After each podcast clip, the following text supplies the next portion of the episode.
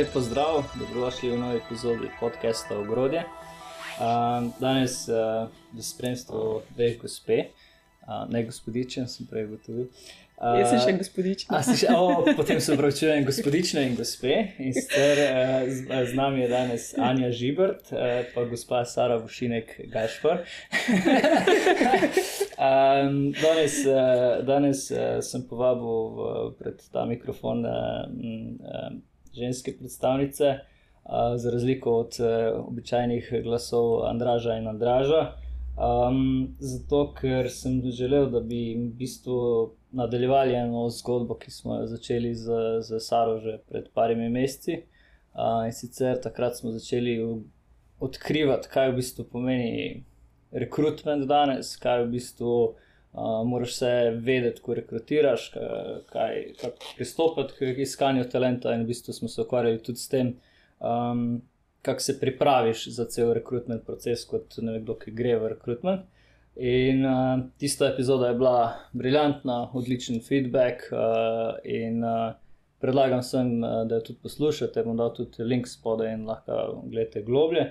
Um, in zdaj ta zgodba naprej bi pa naj bila potem bolj odkrivanje nekega sodobnega HR-a, uh, sodobnega. Uh, kje je vloga sodobnega HR-a danes, uh, kako vpliva HR na, na procese v podjetjih, kako jih je. Uh, kako digitalizacija tukaj zraven spremenja to področje in vse. Um, tako da lepo pozdravljene obejno. Čau. um, zdaj, uh, ko smo imeli prejšnjič uh, to epizodo, sem jaz naredil kapitalsko napako in stari, nisem dobro predstavil. Da bom, da bom zdaj najprej Saro predstavil. Izvoli, izvoli. Sara, Sara je specializiran uh, rekruter za, za področje tehnologije v sintezi. Ja. Ja, sem prav povedal, sintezi. Ja. Ja. Uh, sintezija se ukvarja z.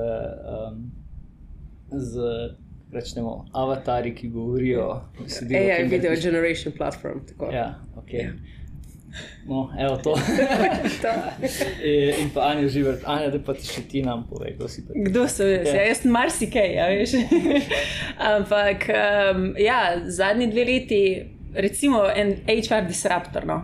Um, ker v bistvu sem, imam nekako zadje iz headhuntinga, ker sem bila v kadrovski agenciji pa cel kup nekih svojih lastnih izkušenj uh, z HR-ovci, s katerimi se nisem strinjala. In potem sem nekako rekla, pismo, to bi se lahko dal mal drugače.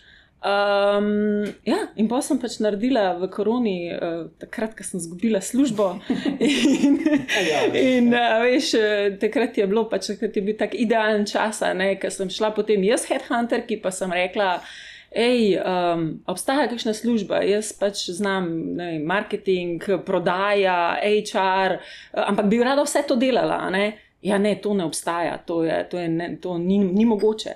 In pa se kaj neč bom pa sama naredila. No? In sem. In zdaj v bistvu vidim, kaj je point. Point je v tem, da pač. Um, firme iščejo ljudi na podlagi njihove preteklosti, na podlagi njihovih preteklih uh, dosežkov, nobenih pa ne vpraša, kaj v resnici oni želijo in kaj želijo, kje se želijo razvijati. Tako da evo, na tem se sloni moja firma, Free Spirit Human Capital je pa brand.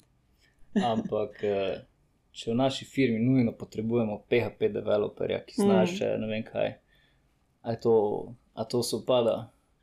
Mislim, skillsi, a ne, definitivno, uh, pač, če imaš neke hardcore skillse, valjda jih je treba meta, če hočeš pač nekaj narediti. Ampak recimo, tle jaz mislim, da bo Sara dala resen insight v te hard skills, jaz pa lahko pač tudi malo to, kar je človek kot človek, ker vsak strokovnjak je tudi oseba, je tudi ima neke človeške lastnosti, katerim se je tudi treba prilagoditi pri rekrutingu. Ne? Ja, res je.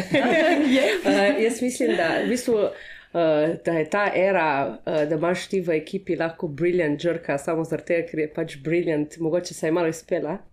Jaz mislim, da se je kar konkretno izpela. No. Jaz v tujini, recimo zdaj, kad delam, uh, vidim, da to so res strokovnjaki, no. to so znanstveniki, to je PhD, ne vem, data scientist in to. In, ampak, lej, pod črto, vsi želijo, da se jih tretira kot ljudi. Mm. In iz tega izhajam tudi. Um, Zadnjič sem bil na startup misli v, v Mariboru, kjer si bila del enega panela. Um, pa bom zdaj nekako navezal Um, Dajmo začeti čisto na začetku. Dejmo. Kaj je HR? Ker zadnjič sem na tem uh, startup mislih slišal, da to ni human resources, ampak je human kaj? Ja, human relations. Ja. Za me, human relations, ker v bistvu ne vem, kako pač poznaš uh, zgodovino. Okay, no, mislim, da je tam nekje okrog 60 let je imel JFK je imel eno predavanje, ker je omenil tudi human resources, ampak resources. Ne, to je mislil mind, to je mislil pač možgane, to je ne, razvoj.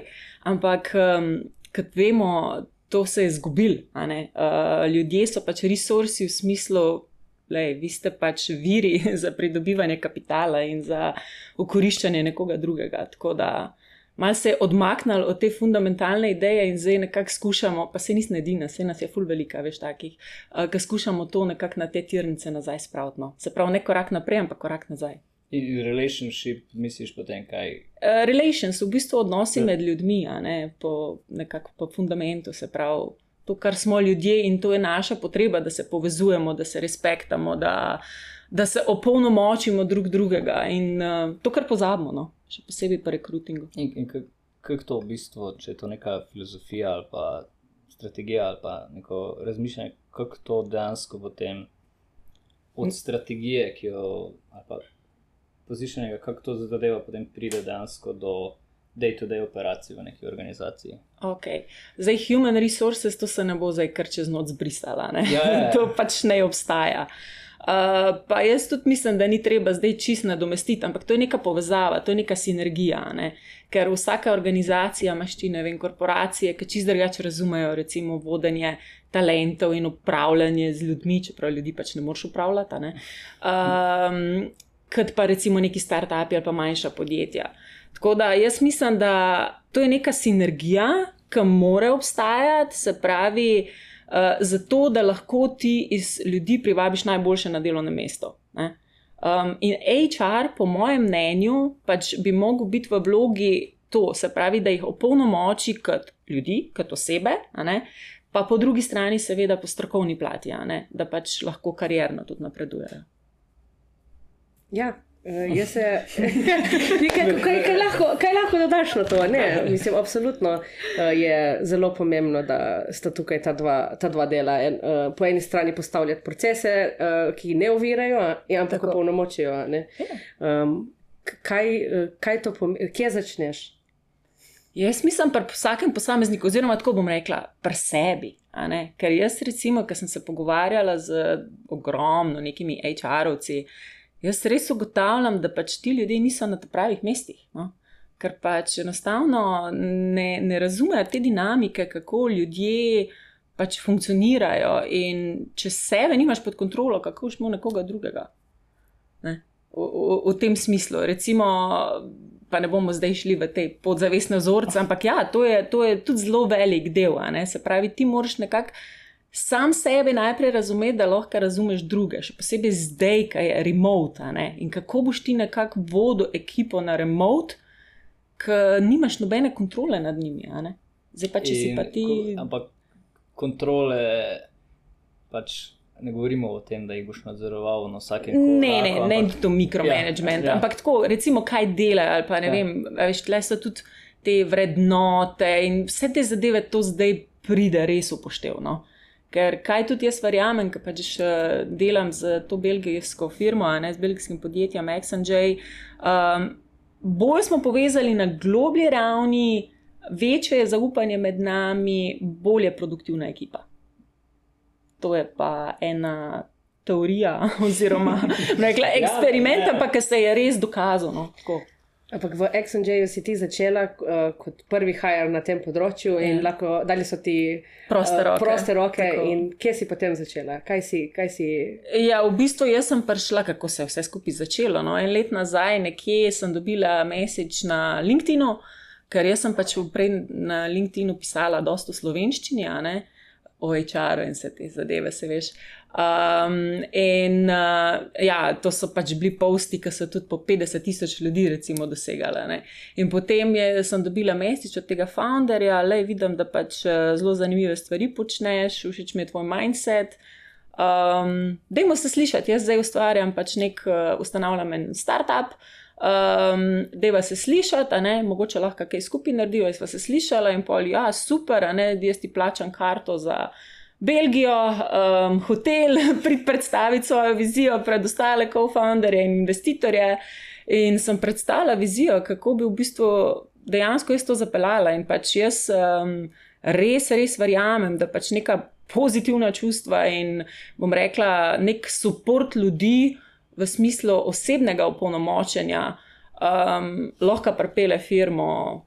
Pač bom rekla, zelo daleč. No. In sem pač to predstavila, in jim je bilo všeč, in, ja, in zdaj en let, v enem letu smo že skoraj čudež naredili. No.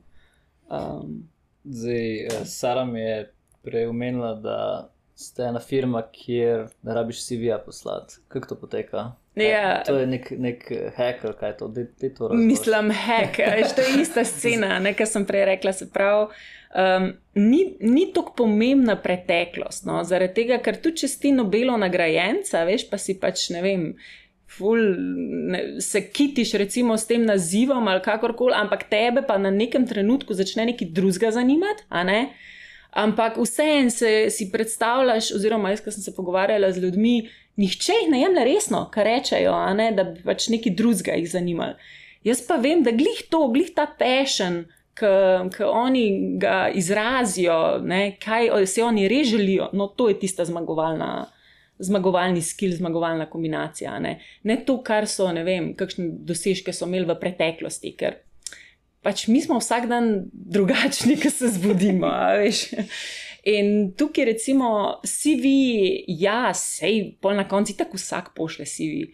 Ampak uh, pomembno je, da jim daš ti opcijo, da pokažeš še kaj drugega. No. Ampak no? uh, mora biti potem nek format, skozi katerega se sploh lahko predstavijo, ali, ali dobiš 100 eh, tisoč, pa randomno izbereš. Le, mi smo ne, se ni tako. Yeah. Ja. Mislim, ker mi imamo tako res hardcore filter, ne, ja, ja. že zaradi kulture. Ampak um, gre se za to, da smo jih pač povabili, da naj pošljajo vem, video ali pa predstavitev na, ene, na eni strani njihovega projekta, ki jim res, res segu v dušo po domače. Mm. Se pravi, da so res dali in svojo dušo in strasti in vse, in jim veliko pomeni. Um, ker na tak način tudi oni dokažejo, ne, da, da imajo nek pešen. In take ljudi dejansko mi pač eh, iščemo. Seveda morajo imeti neke skills-e, ne? zdaj, če pač iščemo data scientista, ne moreš ti kuharja, uh mhm. -huh. zaposliča nima teh, uh, uh, teh skills-ov. Ampak jaz mislim, da če jim daš ti predvsem to možnost, no, da ustvariš neko okolje, da se lahko folk tudi na malo drugačen način predstavi kot to, kar je od njih pričakovano, ne, uh -huh. um, pač po defaultu, nekako po tradiciji. Uh -huh. um, ja, lahko zelo zanimive stvari dobiš. No. jaz sem tudi celo sekcijo vprašanj o tradicionalnem HR-u, ampak zdaj, ko si tako dober intro naredil, sploh ne vem, če je od tega relevantno. Lahko, da verjetno bomo še kaj. Zdaj se strinjaš, Sara, nadaljujem potem uh, v tem, mislim, lahko te vprašam, uh, a je vloga HR-a v rekrutmentu, performance managementu, učenju, izobraževanju, dopolnjevanju talenta, um, potem tudi te, delo na nekih prksih, eh, na koncu tudi vem, compliance, pa, pa vse skupaj. Verjetno še to nekako tudi spada pod modern HR, konec koncev. To je za mene vprašanje, Sara. Za, obe, na nek način. Ali, jaz mislim, da je definitivno kombinacija vsega, ampak jaz mislim, da to en, en človek ne more. Ali al, al pa, da bom tako vprašal. Zadnjič eh, sem slišal, da da obstajata dva nekako pogleda na HR. Eno je ta operational HR, ko pač je HR samo neka divizija, ki upravlja te tekoče posle ali kaj. Drugi je pa bolj ta strateška investitev HR v, v neko vizijo podjetja, ne, kjer mm. v bistvu uh, tudi ima HR svoje KPI-je, svoje cilje, svoje objektive in je zelo pomembno udeležen pri uspehu podjetja na nek način. Ne. Um, mogoče skozi to prizmo, kako vidite ta HR? Ali se ga splača bolj ta kraj deliti? Kot, je to nekaj strateškega ali je to nekaj, kar nujno zelo. Uh... Kaj bi se vprašali? Dajmo se tako vprašati. Brez ja. česa firma ne more obstajati? Marsi česa. no. ja. Ampak recimo, ne, brez financ, brez denarja, pa brez ljudi. Brez ljudi. Ja. Tako, ja. HR so ljudje. Mm. Jaz sem bila vedno presenečena, da v zelo, zelo veliko podjetjih HR je nekaj, kar je tako kot nek afterthought, oziroma da nis, ne sedijo na management uh, sestankih. Um, in to, to se mi je vedno zdelo smešno, zato, ker HR, oziroma cel department je tisti, ki more razumeti, kdo so njihovi sodelavci, kam grejo, kako so lahko produktivni prihodnje, na katerem delu svoje kariere so. Uh, in uh, lahko ponudijo res pomemben insight, kaj se bo dogajalo za firmo v, v, v naslednjem kvartalu, v naslednjem letu, v naslednjem desetletju, glede na to, koga imajo zaposlene. In mm -hmm. uh, to se mi zdi, da je en ta še zelo velik manjko, ko se HR postavi v bistvu na neko umestno pozicijo, da z njimi niso zadovoljni ne delavci, hkrati pa zaradi tega, ker nimajo v resnici nobene realne moči, da stvari spremenjajo, hkrati uh, pa um, niso vključeni v zelo pomemben del tudi planiranja, mogoče koga uh, se potrebuje, headcounta um, in tako dalje. Um, je tudi ena druga, um, se mi zdi, uh, dve, dva pola v HR-u, um, ki gre tudi nekako podobno. Ali se dober HR vidi v firmi ali se ne. Mm. Uh, to je tudi ena taka. Me zanima tvoj tek. Misliš, da če je dober HR, da se ga vidi ali da se ga ne vidi v podjetju? Ja, jaz mislim, da se ga definitivno vidi, ker to mora res izražati na vseh nivojih. Um, se pravi, ja, kultura, odnosi, lej, vse to je v bistvu vse, kar je povezano z ljudmi. Pač mora biti HR, HR leadership, to pač mora biti roko v roki, to je dejstvo. Zdaj, kaj bi še jaz le omenila? Um, to je tudi ena stvar, s katero sem se pač kar ukvarjala, oziroma sem se osredotočila. HR, se pravi, nekdo, ki dela recruiting ali pa um, kadrovanje, ki pač se ukvarja s temi ljudmi, oziroma nekako promovira kulturo podjetja, mora imeti marketinški mindset. In tega ful nimajo. To je ja, prodajaš podjetje. Exactly, in v bistvu, veš, recimo, ne, če ti daš, to so ti osnovni pojmi. Če ti daš zaposlitveni oglas, kaj je zaposlitveni oglas? Ja, je oglas, katerim ti prodajaš neko prosto delovno mesto. In, veš, ne, se pravi, tukaj je full dinamika med. Zdaj, customer experience, candidate experience, customer journey, candidate journey. To je, to je isto, to je copy-paste. In tukaj jaz mislim, da je tako velik manevrski prostor, ne, da se opolnomoči HR-ovce v tej smeri, da bi pol dejansko res delali, pač, ne, da bi bili huda dodana vrednost za, za podjetje. Ker zdaj jih kar imajo nekateri za ne bodi ga treba, ne, samo tako pač, da so. Pa, pa se valjda tudi sami na tak način počutijo. Ja, zelo, kot si rekel, ta operativni del. Mm. Pač seveda, da je vedno ta nek operativni del, ki ga je treba narediti. Nekdo mora spisati pogodbe, nekdo mora uh, gledati, koliko ima kdo dopusta in da gre kdo na bolniško in se res ukvarjati z, z, z operativnim delom. Ampak se mi zdi, da se tudi. Da je zavedanje, da pač to vseeno preseže nekega enega samega človeka, mm. sploh v nekih resnih uh, um, podjetjih, ki dajo nekaj na svoje kadre, da je prav, da, da prihaja tukaj tudi do delitve. Po drugi strani, tudi mogoče z uh, iskanjem kadra na eni strani um, in, in z, z tem prav uh, ukvarjanjem z kariernim razvojem ljudi na drugi strani, ne, ki gre lahko potem z roko z roki tudi z neko, neko mero operativnosti. Ampak se jaz tukaj popolnoma strinjam, da je ta marketing del, čeprav se, mislim, nočem, da se sliši šedi, sej ti ne prodajaš, se ti ne pravi da ne. Pač, ne, ampak je, je to, ti, ti, ti si sploh, uh, ko smo v teh procesih, smo nek prvi stik, ki ga ima kandidat za podjetje. Mm. In je pomembno, da um, v bistvu tudi znamo uh, povedati, kakšne so vrednote, kam bi človek uh, prišel in raz, da res lahko opolnomočimo posameznike, ki so sploh v IT-ju danes tisti, ki si izbirajo uh, z uh, informacijami, ki jih oni potrebujejo, da razumejo, ali sploh hočejo vložiti čas v ta proces in tudi konec koncev v to podjetje. Tako, ja. to, to mi je, to mi je ful, mislim, to si super povedala. Ne? Eh, in uh, definitivno je treba pač povdariti, da ni zdaj pričakovano, da bi vsi kadrovi, ki postali strokovnjaki za marketing, ampak samo mindset, da razumejo, kako ta proces deluje. Ne? Ker za vsakega se vem, kadrovanje začne. Takrat, ko oni dajo ven oglas in pač dobivajo prijave, ampak to se že, ne, to je toliko prejemnih procesov, da je sploh to lahko uspešno. No? Um. Pravi, na nek način HR mora pa predlagati, da je tudi udeležen v vseh teh debatah o brendu kot takem, da, da, da poistoveti brand, brand values, brand neke gole, misijo in da to zelo jasno po neutralni tudi prodaja, posledično na ozveno. Um, Ja, zaradi tega, ker vsak, ki bo prišel v podjetje, je to od njega pričakovano. Ne? Mhm. In nek HR-ovc pač mora njemu dati prave informacije. Ja, Kaj mi na Sintezim ful sodelujemo z growth hacking oddelkom. No, vidiš, ja. Točno za, za Ja. employer branding, z namenom privabljanja novih sodelavcev in teh nekih organskih prijav um, in pro, pro, pozicioniranja na trgu, kdo smo in kakšne so naše vrednote. Sploh znotraj nekega eh, sinteti, sintetični mediji.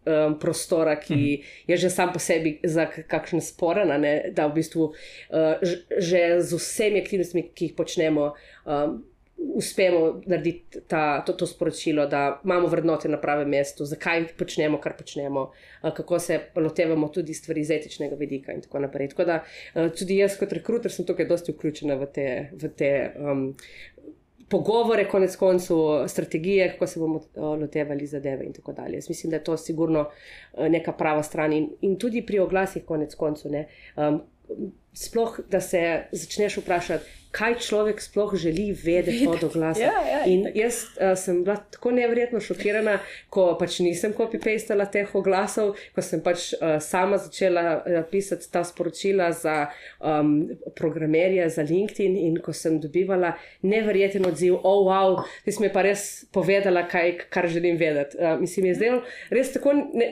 najbolj očitna stvar. Prva stvar, ki greš, je vprašaš. Kaj ti sploh hočeš vedeti za neko novo službo? Ne? In definitivno ne to, da je pač to podjetje najboljše v svojem tistem in, in, in koliko, kakšne stranke, ampak res so za sploh programerje pač neke konkretne zadeve, ki jih zanimajo. ne. In da ti lahko v. Um, jaz se tako lotevam s petimi emoji v petih uh, alinejah, nekomu poveš dosti več, kot je marsikakšen oglas, ki ima, ki ima dve a štiri strani, nekih floskul. Jaz temu rečem, da so oglasi brez duše, a ne tvoji pa imajo. Tako da, ker res, ker nima neke esence, nima nekega bistva. a Ne? Zdaj, če greš na te zaposlitvene portale in gledaš oglase, mislim, pa ni enega razloga, da bi se človek prijavil. No? A veš, edino res tisti, ki pač. Ne, vem, ne razmišljajo malo širše. No, k... ej, a, a lahko zdaj nekako to izzovem ali pa ne. Izvoli. Uh, se pravi, imamo te oglase, super so napisani, super so pobrendani, imajo value, ljudje razumejo. Um, Priješ intervju, to smo zadnjič fulano razdelali vse. Um, kako ugotoviš, da je nekdo fit za kulturo v tej firmi? Kako ugotoviš ta fitness? Um, kaj to te pomeni, oziroma kaj vama to pomeni ta fitness, da je nekdo fit za to organizacijo? A je to nek, eh, obstaja nek univerzalen profil, ki je vedno fit, ali moraš to dati eh, psihološke teste, pa osebnostne teste, kaj pomeni, da si fit. Za... A začne? okay. uh, ja, jaz mislim, da je to res odvisno od podjetja, ker to res more, vsak pogovor, se pravi, jaz imam te pre-screening kole, še preden gremo se pogovarjati o nekih hard skillsih. Um, in je dejansko prvi kol, je, ali si ti dejansko se boš dobro počutil pri nas, ali se boš ti dobro počutil v tej kulturi, ki jo furamo. Zaradi tega, ker ja, ni samo umevno, da bojo se vsi počutili dobro, to je nam popolnoma jasno. Ne? In dejansko, če ti nekoga, recimo, pač mi imamo del naše kulture, tudi, da pač meditiramo. In če nekdo nekomu ni to všeč, ampak je čist anti. Pa, valjda, da se ne bo dobro počutil. In pol mi tudi reče, a veš, ja, ne, to pa ni za me, pa mi se dobivamo enkrat na mesec v Bruslu, ne za en teden. Um, ja, tega pa jaz ne bi, ne, mislim, sorry, pa, pa enostavno nismo za skupaj, pa, pa tudi se sploh ne moramo pogovarjati o hard skillsih. In tukaj se mi zdi, da je ful pomembno, da je na začetku, da daš ti transparentne informacije človeku, da bo imel popolnoma jasno sliko, kam se sploh podaja. Ker če jo nima, ne, pol ti v bistvu zapravlja svoj čas in on zapravlja svoj čas. Ampak če je talent shortage, ali to sliko malo prilagodiš, pa vse se ne splača. Se ne splača? Se ne splača, na dolgi rok se ne splača. Vsaj to je moje mnenje, kot sem jaz videla. Ja, se popolnoma strinjam. Uh, kriteriji morajo biti enaki. yeah. Kri- Kriteriji morajo biti enaki kot prvi dan. Uh, v trenutku, ko jih spustiš, imaš težavo. Uh, to, je, to sem tudi jaz že večkrat videla. Ampak um, jaz se tukaj ful strinjam. Ta prvi del kulture in, in za, ja, v, v tem um, IT prostoru se dosti krat sliši ta kultura, um, se prevede v mizo za uh, biljard ali pa PlayStation v pisarni, ampak to ni uh, kultura in zato pravijo, ja, to mene ne zanima, verjamem, ampak kultura zanima čisto vsakega. To je mikromanagement tvojega šefa, to je koliko sestankov imaš ti na teden, mm. to je um, kaj se od tebe pričakuje, a ti prideš v službo, dobiš tiket in to je to, ali ti prideš in se od tebe pričakuje, da boš kaj razmišljal um, v življenju. Ali, ko imaš um, svobode, ko, recimo, ne, mm. se pravi. Ja. A, na kakšen način te nekdo kontrolira. Ne? Mm. A, in to, so, to, to je kultura. In to je tisti prvi del, um, ki ga res uh, se mi zdi, da je naša naloga na, na tem prvem screeningu, uh, da razumemo, ali se nek, bo nekdo vklopil ali ne.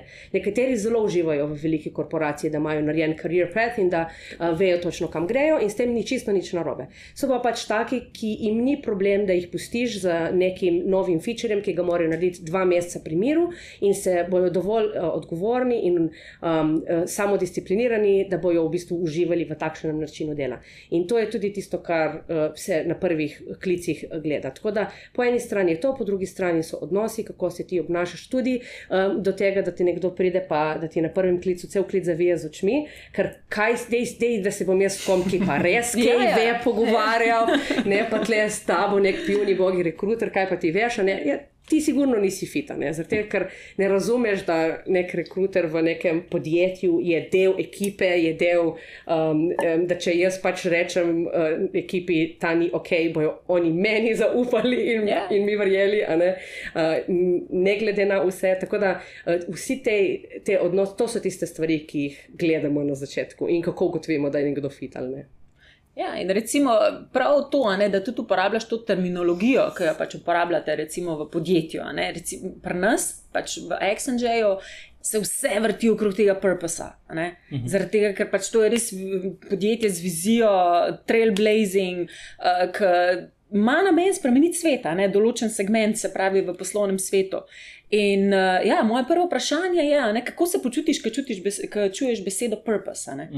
In, veš, in se reče, da se ni napačnega odgovora, ni lahko rečeš karkoli. Sam, dajmo se spustiti na to raven, da se pogovarjamo o tem, ker mi se o tem ful veliko pogovarjamo v podjetju. In če je ja, to je brez veze, to jaz ne bom. Ja, sorry, ne. pa, pa, yep, ne? Okay. pa, pa nismo za skrb. ne, vrhunsko. Um, zdaj, ko imaš. Uh, malo podjetje, ko je na začetku, ko pač se vsi dobimo za mizo, pa pojemo pico, pa smo vsi prijatelji, je ta fitness. So, na začetku so večinoma prijatelji. Ne? Kako pa pol ta fitness oziroma to kulturo skaliraš med tem, ko ti podjetje raste. Pravi, zdaj smo, smo uspešno prestali stage one, startupa, zdaj bomo pa se pripravili na nek rapid expansion, na neko hitro rast. Kako bomo zdaj iz ta fitness ali pa to kulturo, ki, ki smo ugotovili, da, da moraš imeti, kako bomo to zrasli, kakšna je vloga HR-a tu, kaj, kaj počnete v vaših firmah, da to kulturo negujete, se jo spreminjate, kaj delate na tem. Poleg biljard mize. Poleg ja, biljard mize. ja, ja. Tako kot sem že prej nakazala, tako da ne spustiš kriterijev, da v bistvu um, o, ostajaš tudi ti. Ampak uh, ljudje se zamenjajo. Mislim, ja, in ne. Pač, ja, vem, ja, v sintezi okay. od leta 2017 tri ljudje so dali odpoved. Uh mhm. -huh. Tako da pač se ne, ne niso zamenjali. Če že veliko... veliko... odpoved, moraš reči, da jih je vem, 100 prišlo na novo. Ja, ja, 120 nas je, trenutno nas je 120. Ja, ja. Tako, 120 ja. nas je. Uh, in če vemo, da pač to našo kulturo, ker smo, uh, ko, ko, ko se je to zastavljalo, um, se je tudi. Um, res zreduciralo na neke štiri pomembne vrednote, da ne, uh, ni tukaj uh, en, en, en cel velik uh, seznam uh, stvari. Vemo, da jo vsi naši zaposleni um, živijo. In vemo, da bodo oni tisti glavni promotor kulture za naprej, in da, pač, da bo del onboardinga tudi ta del. Uh, oziroma, konec koncev, jaz, brez da bi kdorkoli kakršno koli navodila o tem um, delu, tudi ko, ko gledam, recimo, um, feedbacke inženirjev na naslednjih uh, stopnjah. vedno vključujejo to kulturno komponento. Pa jim noben ni, ni, ni, tega nič rekel. Ampak v smislu, ja, ta bi se super vklopil, ker bi komuniciral na takšen način, ker ima podoben način razmišljanja, ker bi se loteva stvari um, na način, ko bi nam uh, ali prenesel svež veter, ne po eni strani, ali pa je v skladu s tem, kar mi počnemo, odvisno zakaj za, za se gre. Tako da so oni potem tisti, uh, na katerih je. Um, je to, da v bistvu se kultura promovira naprej, in pa seveda vedno top-down. Top-down, če founderji in vodstvo ne živi uh, kulture, je ne bo noben drug. Ne. Zato mora biti ta usklajena in tudi dovolj, se mi zdi, zreducirana na res neke kor vrednote, da, da se ne zgubi v, v, v delu nekega flafa. Uh, ali pa tako, kot je to v enem slovenskem podjetju, ki se šel na razgovor, ko prideš, pa je kultura podjetja to, da je nekdo dal res zelo veliko denarja, da je napisal: Work hard, stay humble. oh, okay, okay. Ja, ja, ja, ja. Okay. Ampak to je nekaj, kar moraš aktivno z founderji ali pa s top level managementom delati. Ve, ki imate, morate povedati. Ja. Imate zdaj. ja. To je nekaj, kar moraš aktivno pač zgraditi, tako kot moraš zgraditi vse ostalo zadeve. To je nekaj, kar moraš zgraditi, negovati, aktivno delati na tem, aktivno promovirati. Kupiti tisti brown billboard. Ne, pač, a, a, okay. Ja, mislim, definitivno, kot je Sara rekla, to se začne od zgori. Mm -hmm. Ampak je pa nekaj če ti vidiš, da, mogoče, ne, da bi lahko bilo kaj drugače, ali pa boljše, ali pa da mhm. vidiš feedback ljudi ali karkoli. To se da pa vse prilagoditi, tako da tudi mora biti, ne, se pravi, top mm. management mora biti dosti fleksibilen, da se bo tem stvarem prilagodil. Ne, mm. Ker se veš, ljudje se spremenjajo, svet se spremenja, veš, tako vse se spremenja. Ja. In ne moreš se ti nečesa držati kot pijan splota, ne, ampak pač moč biti nekako agilen v teh stvarih. Ampak kar je najbolj pomembno, je, da se ta energija ne, res pač. Ki se ustvari na začetku, da se potem sam šera naprej. Mm. In zdaj, če je to res na nekih dobrih temeljih, ne, um, se pravi, da je respekt, da se ljudje dobro počutijo. Ja, valjda, če se dobro počutiš, boš to tudi naprej povedal. -huh. ne? In še nekaj mora biti ful pomembno, da ima pač podjetje nek cilj. Ne? -huh. Um, zaradi tega, ker iz tega pol izvira ta, um, kako se reče, uh, um, internal motivation, se pravi, notranja motivacija, uh -huh. da je lahko, seveda, da so ljudje zauzeti, ne tudi za delo in tako naprej. Ker pač ta ja, notranja motivacija je tudi zelo preveč podcenjena. Jaz mislim, da je pa vedno bolj pomembna v današnjem času. Um, da še jaz rečem, en billboard, ki smo ga imeli z medfirami. In je bilo, pač bilo je več vrednot, mislim, da je bilo 5-6. In ena izmed teh je bila build to last. Ne. Se pravi, gradimo produkte, ki bodo prestali zob časa in bodo kvalitetni in dobro naredjeni. In ko sem iskal ljudi za svojo ekipo, pa to, ko smo hajrali, pač si lahko rekel kandidatom, da pač mi tukaj cenimo inženiring, build to less, pomeni, da boš imel dovolj časa, da boš to naredil dobro in kvalitetno. In te vrednote so v bistvu bile tudi nek, neko ogrodje, skozi katero si lahko rekrutil in pol tudi v bistvu delal. Um, in če je nekdo naredil nekaj slabo, v hitri si rekel, da to ni bilo skladno ja, z vrednotami. Ja. Kar je vse super. Ne? Ampak eh, potem, ko podjetje zraste, pa grejo prevetriti te vrednote, pa ti vrednoto bil to lest vržejo ven. In potem se pa začne sprašovati to, kar si ti rekla, interna motivacija. Mm, yeah. Zakaj kaj pa potem mi delamo? To pomeni, da zdaj. Kje je zdaj point? Ja, kje je zdaj point? Ja, no, kaj, ja, ja. Kaj je pa vloga HR-a v tem? Se pravi, vrednote so se spremenile, razumljivo, zakaj so se, firma se je spremenila, še z investicijo, ne rabimo več build to less, zdaj so drugi cilji pomembni. Mm.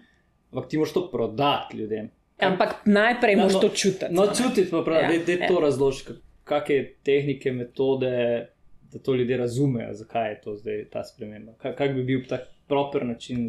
Transparentnost. Transparentnost. Jaz bi to kot na prvi, mislim, bod iskren, nihče ni popoln, ti poveš, kako kot je in dejansko, ko ti bojo pač ljudje zaupali, ti bojo pač sledila, ne, oziroma s temu, temu cilju. Transparentnost, definitivno. Ja, ja. ja. ja. Ne, sigurno, ker če ljudje razumejo, iz česa, zakaj in, in iz česa nekaj izhaja, bojo lažje se odločili, ali hočejo ostati na, na, in, in rasti s tabo naprej v to smer ali ne. Ker, um, pa da jih ne manipuliraš, ali mislim, da ne tako, manipuliraš z njimi.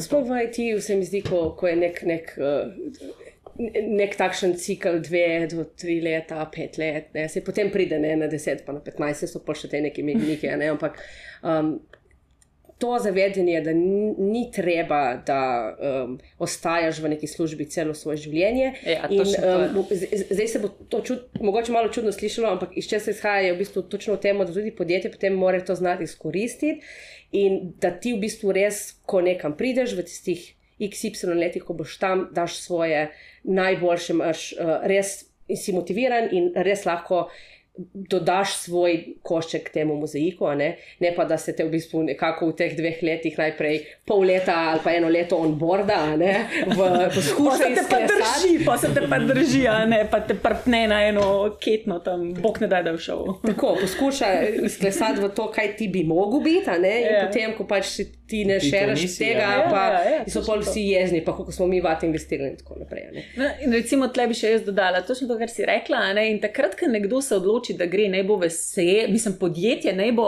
veselo, wow, greš na neki bolje, te podpira, da pokaže tudi ta effort.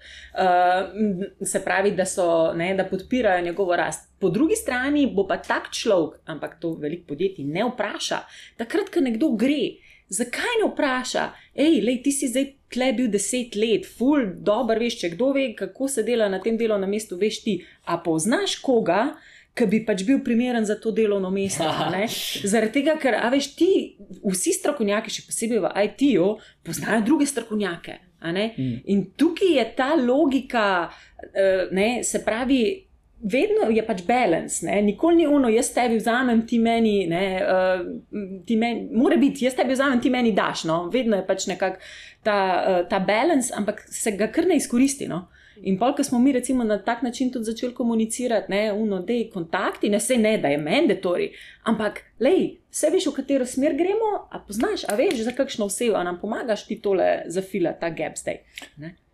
Ne bom tu zajel naslednjega vprašanja. Hotel sem vprašati. Lahko. Bral sem ta offboarding intervju, to je ena izmed intervjujev, ki je v bistvu kontra od rekrutmenta, celega Mhm. procesa, v bistvu offboarding Exit, ja. exit Ja, ja. intervju. a ne.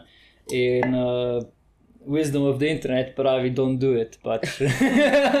Kot kandidat ne iti v, v offboarding intervju, pač nothing positive pride ven. Je to je odvisno, kako kulturo ima podjetje. Ja, ne? ja, no, no bom to. Ja. Ja. Se pravi, razlaga gre nekako tak. Uh, nič pozitivnega ni za zaposlenega v offboarding intervjuju. Se pravi, verjetno, ker greš iz firme, zelo verjetno imaš neke razloge. Ne? A, zdaj, a jih boš delil, a boš res naredil sebi neko uslugo, firmi neko uslugo, zakaj bi, a te bodo res poslušali zdaj, če te prej niso.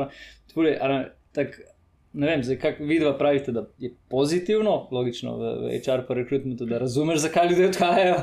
Um, kaj mislite, da? Ja, jaz bi tukaj rekel, da vsi poudarjajo, da odhajajo zaradi vodstva. Pa ni vedno tako. Ne, no. ni, ja. ni vedno tako. To, to ne more biti napisano pravilo. Zaradi tega, ker, tako kot sem rekla, ljudje se spreminjajo. Njihove vrednote se spreminjajo. Nekdo dobi, ne vem, otroka, družina se prioritete takoj spremenijo. Uh, se kaj drugega zgodi v življenju in tukaj pač. Ne, Se vem, pravi, ne pre- moreš. No. eh, bi predlagali obe, da se strinjate s tem, da je pametno delati te exit intervjuje Ja, za obe smeri. Um, tudi sem slišal že te zgodbe, da so ljudje v bistvu exit intervjuju povedali, kaj je bilo slabo, so vedno ohranili dober odnos z. z, z, z Don't burn management. bridges. a Ja, tako, tako. Uh, situacija se zamenja, ne veš, kdaj boš uh, v obratni zadevi. No. Um, ampak ja, te, te intervjuje tudi spadajo noter. Mislim, a, ko, se, raz- ra, ko se razideš z nekom, a mu poveš, zakaj greš na razen? Kaj imaš od tega, da mu poveš, da greš na razen? A če rečeš, da greš na razen z nekom, zdaj, ker ti ni všeč, ne vem, da ne pospravlja dovolj, a sem zdaj spremenil nekdo eh, in bo začel več pospravljati. Pač to, o, o tem se pogovarjamo. Pogovarjamo se o tem, da imaš ti načine in načine, seveda ne don't burn bridges, ampak ti dejansko lahko vplivaš na to, kaj se bo dogajalo na tistem podjetju, potem, ko ti greš. In jaz sem imela zelo pozitivno izkušnjo za exit intervjujem, ki sem, ki sem ga imela za eno službo, ker so se po tistem stvari res spremenile in so me res. Slišali, kaj so bile, bili v bistvu te neki predlogi za te, ker konec koncev, kdaj, um, kdaj te kot podjetje res mogoče preseneti, da, mm da ne veš, da, da, da človek odhaja. In to je, sicer na nek način slabo, ker načeloma bi, bi, to lahko, bi to lahko vedel, ampak kdaj se pač stvari zgodijo in nekdo odide. In v tistem trenutku želiš izkoristiti ta insight, ki ga nekdo ima v to, da dejansko izboljšaš sebe in svoje procese. In um, jaz sem to, absolutno zagovornik tega, da je treba vedeti, kje so neki razlogi, da se v bistvu lahko, da si lahko potem. Da si lahko še boljši, Tako, ja, ja, da, da lahko rasteš, vse to je oboje stransko. Ampak, ja, ok. Hotel sem zdaj reči, great resignation is real, to si zadnjič rekel. ja. da, če zdaj great, great resignation real, potem vsi odhajajo, potem je full uh, influx, oziroma full, full veliko odhoda. Ne moreš se mi imeti exit in treba. Ne bom šel v to, to smer. Um, tukaj sem si še napisal neke trende, ki, ki, ki jih opažajo HR strokovnjaki v zadnjih desetih letih, pa, pa COVID-om, pa vse skupaj. Pa bi mogoče šli čez njih, pa mi lahko videl bolj povete, je to neka je to realnost ali bi rade kaj dodale. Mm, pa bi mogoče šli čez to, pa mi malo date feedback na to. Um, tukaj piše, da recimo v pred ne, desetimi leti nazaj so večina podjetij full omejila kaj, kako ljudje uporabljajo vem, socialne medije med samim delom. Se pravi, da ljudje ne morejo iti na Twitter, na Facebook, YouTube, nič, vse je bilo zaklenjeno. Um, do tega, da zdaj po v bistvu podjetja volijo vse na nek način, tudi ne nadzirajo tok. Pa, da gremo tudi, bomo rekel, skrajnost, ampak to je normalno, da želijo podjetja, da njihovi zaposleni postajo vsebine na LinkedIn ali Facebook, kako so opazite ta trend, ali ga spodbujate v vaših podjetjih, ali kako vidite to odprtost podjetja. Je to dobro, slabo, ali mora biti nadzorovano? Ali... Ja.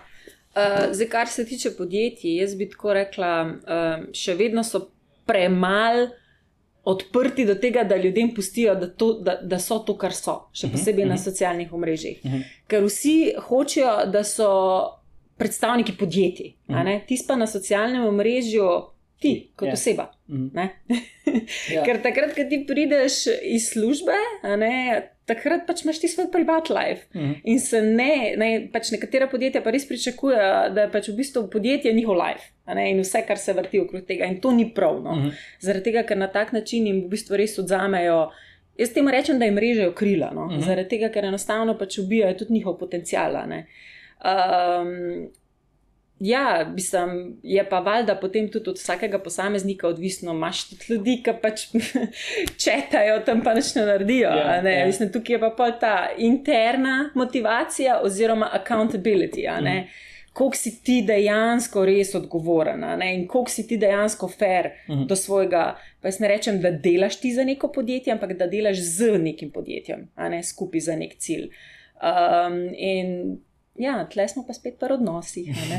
Ampak vse splošno pa se vam zdi, da, recimo, da je dobro, če zaposleni recimo, delijo uspehe podjetja ne, v LinkedIn, kjer je specialno mreže za, za deljenje takih stvari. Valjda je ja. pa nekaj. Ne? ne moreš pa tako vzeti kot samoumevno. Ja, ja. Ne, ne to pa še nekaj. Ne? Meni je to recimo smešno, ker nekdo blazno opeva neko podjetje in dosežke in ne vem kaj, čez en teden pa neko drugega, zaradi tega, ker zamenja službo. yeah. Ja. In je čist kontra, se je yeah, ja, tudi zgodilo, yeah, yeah. da so ljudje opazijo. Ja. ja.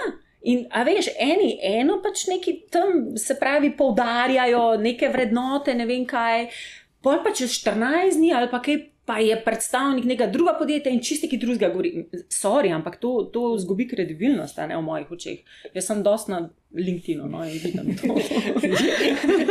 Jaz tudi živim na LinkedInu. Jaz sem vse, kar imam zaradi LinkedIna, veš, tako da. Ampak, čudno bi bilo, če, če ne bi. No, ja. Ampak ta brand je ful pomemben, ta oseben brand tudi, zaradi tega, ker to se ful podcenjuje. Uh, sploh v nekem IT svetu ti imaš IT influencerje in ljudje hočejo delati pri podjetjih zaradi tega, ker vidijo nekoga na socialnih omrežjih. Uh, in te ljudje ponavadi ne delajo brandinga za svoje podjetja, ampak mm. dejansko mm. uh, samo, pešna, tako, samo delijo, ja, kar počnejo ja. v njihovem uh, day-to-day jobu uh, in je to v bistvu ful, zelo. Uh, um, močno sporočilo lahko. Po drugi strani pa um, se totalno strinjam s tabo, da ne smeš sebe zgubiti v tem, um, da uh, postaviš črto uh, tudi z podjetjem. Um, kaj boš v svojem imenu objavil, na kakšen način. Eno je, da pač ti nekaj šeraš, drugo je, da ti spišeš nek post in ta mora biti vedno v skladu s tem, kdo si ti osebno. Zato se točno take stvari ne dogajajo, kot si rekla, ne, da potem naslednji teden pač totalno spremeniš messaging oziroma ton, ne ton, ton, ton sporočila. Kažeš, da si neiskrena, ne? ja. to je tisto. Tako, da, ja. da, da pač ti gre samo za ta, za, za, ta nek marketing, za to neko prodajo. Ne? Um, in jaz meni se tudi kdaj zgodi, da mi kdaj kdo reče, hm, ja, to, kar si napisala, je tako full controversial, ne? ampak se nikoli ne upravičujem za to, ker to Ni delam z svojega profila in um, sem pač zastopnik sebe, vem, da nisem za vsakega, ampak s tem nimam jaz nobenih težav. In, in hkrati je pač vseeno en drug del, da zaradi te neke, uh, tega nekega uh, brandinga, ki ga imaš tudi na LinkedIn, privlečeš določene ljudi, imaš nek določen netrok tudi zaradi tega, ne, ki potem profitira, konec koncev, uh, tudi tvoje podjetje. Tega, ja, jaz mislim, da je treba predvsem ne, tudi neko zavedanje vzpostaviti, da če nekdo se predstavlja za svojim privat profilom, ne, da ni nujno, da to, kar on piše, da je, je zaposleno v nekem podjetju, da je to tudi mnenje podjetja. Uh mhm. -huh. Se pravi, če ti za nekim uh, pageom, ne company pageom, pišeš, ajde, to je nekaj drugega. Ampak zaposleni v podjetjih ja, so pa pač individumi. Ne? In tudi, recimo, pri ljudeh, se pravi, v javnosti, ne bo tudi malo drugačna percepcija. Ni treba mm. takoj nekoga povezati z nekim podjetjem, razen mm. če je CEO, ne, mm. pa pač da res yeah. Ja. on hoče nek mesič dati naprej. Uf, Okay. Ne, ne, ne, ne, ne, fule dobro, fule, fule dobro, fule dobro. Bom nadaljeval, ker mislim, da imamo dobro nit. Uh, prednosti in ugodnosti, se pravi, AKA perks, ne. To je tudi ena zadeva, kjer pač ta neki HR raziskave kažejo, da so se ful spremenjajo. S prehodom mlajše generacije, kaj so to zdaj, Gen Z? Gen Z, Gen ali, Z, že, ali že kaj naprej? Milenici, Gen Z, Gen Y. Recimo, okay, ta populacija, ki zdaj stopa na trg, pa ki je na začetku svojih karier, um, drugačni prk se pričakujejo, um, uh, drugačen, drugačne benefite. Zagovorimo o stvarih, ki niso osnovna plača. in če, redno in ja, plačilo. Ja, redno plačilo je prav. Ne vse lahko ja. razširimo, ampak, ja, ampak če bo to piše, ok, deset let nazaj, je bilo ok, dopust, pravi, koliko, do, uh, koliko imaš prostih delovnih dni, imaš kakšne dodatne delovne dni. Uh, ne, v Ameriki pa to imaš pokojnina, pa bolniška, pa zavarovanje, pa porodniška, še to dodano. No. Um, kaj pa zdaj vidite, kaj pa so danes tiste prednosti, pa ugodnosti, pa resnični prksi, ki jih ljudje želijo, pa pričakujejo. A mi lahko vidite, povete, kje, kje video vidite, kaj so danes prksi, ki. Pa ne reko, ki jih že skoraj moraš imeti, pa kaj so najsprksi. To bo ga pisarni, ja, ne. no, uh, dejte mi jih naštetenih par, da vidimo, uh, koliko out of touch sem tukaj. Mislim, jaz lahko povem, recimo, da v Belgiji ne, imamo unlimited, uh, se pravi, no cap uh, holiday. Uh -huh. uh, se pravi, unlimited holiday, seveda, če je vse pač narejeno, če so vsi taski, do zdaj še nihče ni nič izkoriščal v tem mhm. -huh. smislu. Um, je pa treba tudi vedeti, no, mislim, mi smo tudi iz različnih držav uh -huh. in. Um, To so, to so različna pravila, tudi, veš, kar se tiče zakonodaje. Ja. Ne bomo zdaj šli v tle, ampak ja, če se kdo loti tega, mora biti pač, ne, se ja, mora tudi zavedati teh stvari. Ker pač zakonodaja valjda nekaj zahteva, če imaš pa ti nekaj drugega v podjetju, treba pa to prilagoditi. In tudi, ja, smo se zadnjič pogovarjali, če greš ti, ne vem, snorklat na Maldive, a ne eh, v času, ki pač bi mogel recimo delati, ne, pa veš, da boš delal tam pač iz une kuče, ampak te vmes, ki snorklaš, ne vem, za grab morski pes ali karkoli. Veš, to je pač krije stroške podjetja, uh -huh. uh, zaradi tega, ker je to med delovnim časom, tudi če delaš na remote, veš, take scene. In tukaj to zavedanje. No? Jaz mislim, da je treba opolnomočiti eno in drugo stran, zaradi tega, ker bistvo vsega je pa svoboda. Ne, uh mhm. -huh. Kar ljudje hočejo. Uh mhm. -huh. To bi jaz rekla, ta fundamentalni prk, kar ga zdaj želijo, je svoboda. In da niso omejeni, kaj je njihov privatni čas, kaj je njihov, recimo, službeni čas, da si lahko sami izbirajo, ampak more, res morajo biti opolnomočeni in kandidati, oziroma zaposleni, ne, in podjetja, um, na kak način lahko to funkcionira, ker to ni kar samo umevno. No. Ja, delo z odraslimi, ne? da si odrasel. Ja, no, tako, Mi ja, delamo z tako, odraslimi, ja, vam ne z otroci, da tako, pač ja, delate, ja. da, da bo delo narejeno.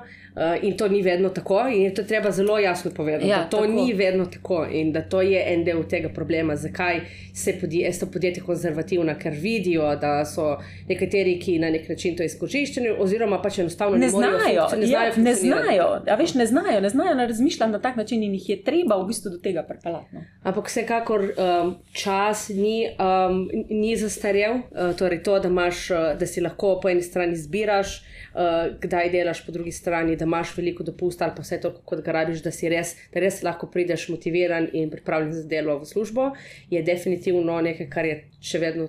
Zelo pomemben prk. Um, od- oddaljili smo se od teh fizičnih stvari v pisarni, po drugi strani so neke fizične stvari, um, zdaj uh, prihajamo na to, da v bistvu z eh, tem remote delom, ki ni prk, ampak je zdaj že, ki, ki, ki, ki za me ni več prk, ta je že zastarel, ne, da, da je to moj prk, kao, da delaš Ne. nadaljavo. a ne. Um, je v bistvu to um, tvoje okolje, v katerem si, torej da imaš, uh, da imaš dober home setup, um, da ti podjetje pri tem pomaga ali pa da ti financira mogoče nek, uh, neko pisarno, če, če to potrebuješ, po drugi strani, da um, imaš op- su, super opremo, uh, da se dobro počutiš tam, kjer, kjer delaš.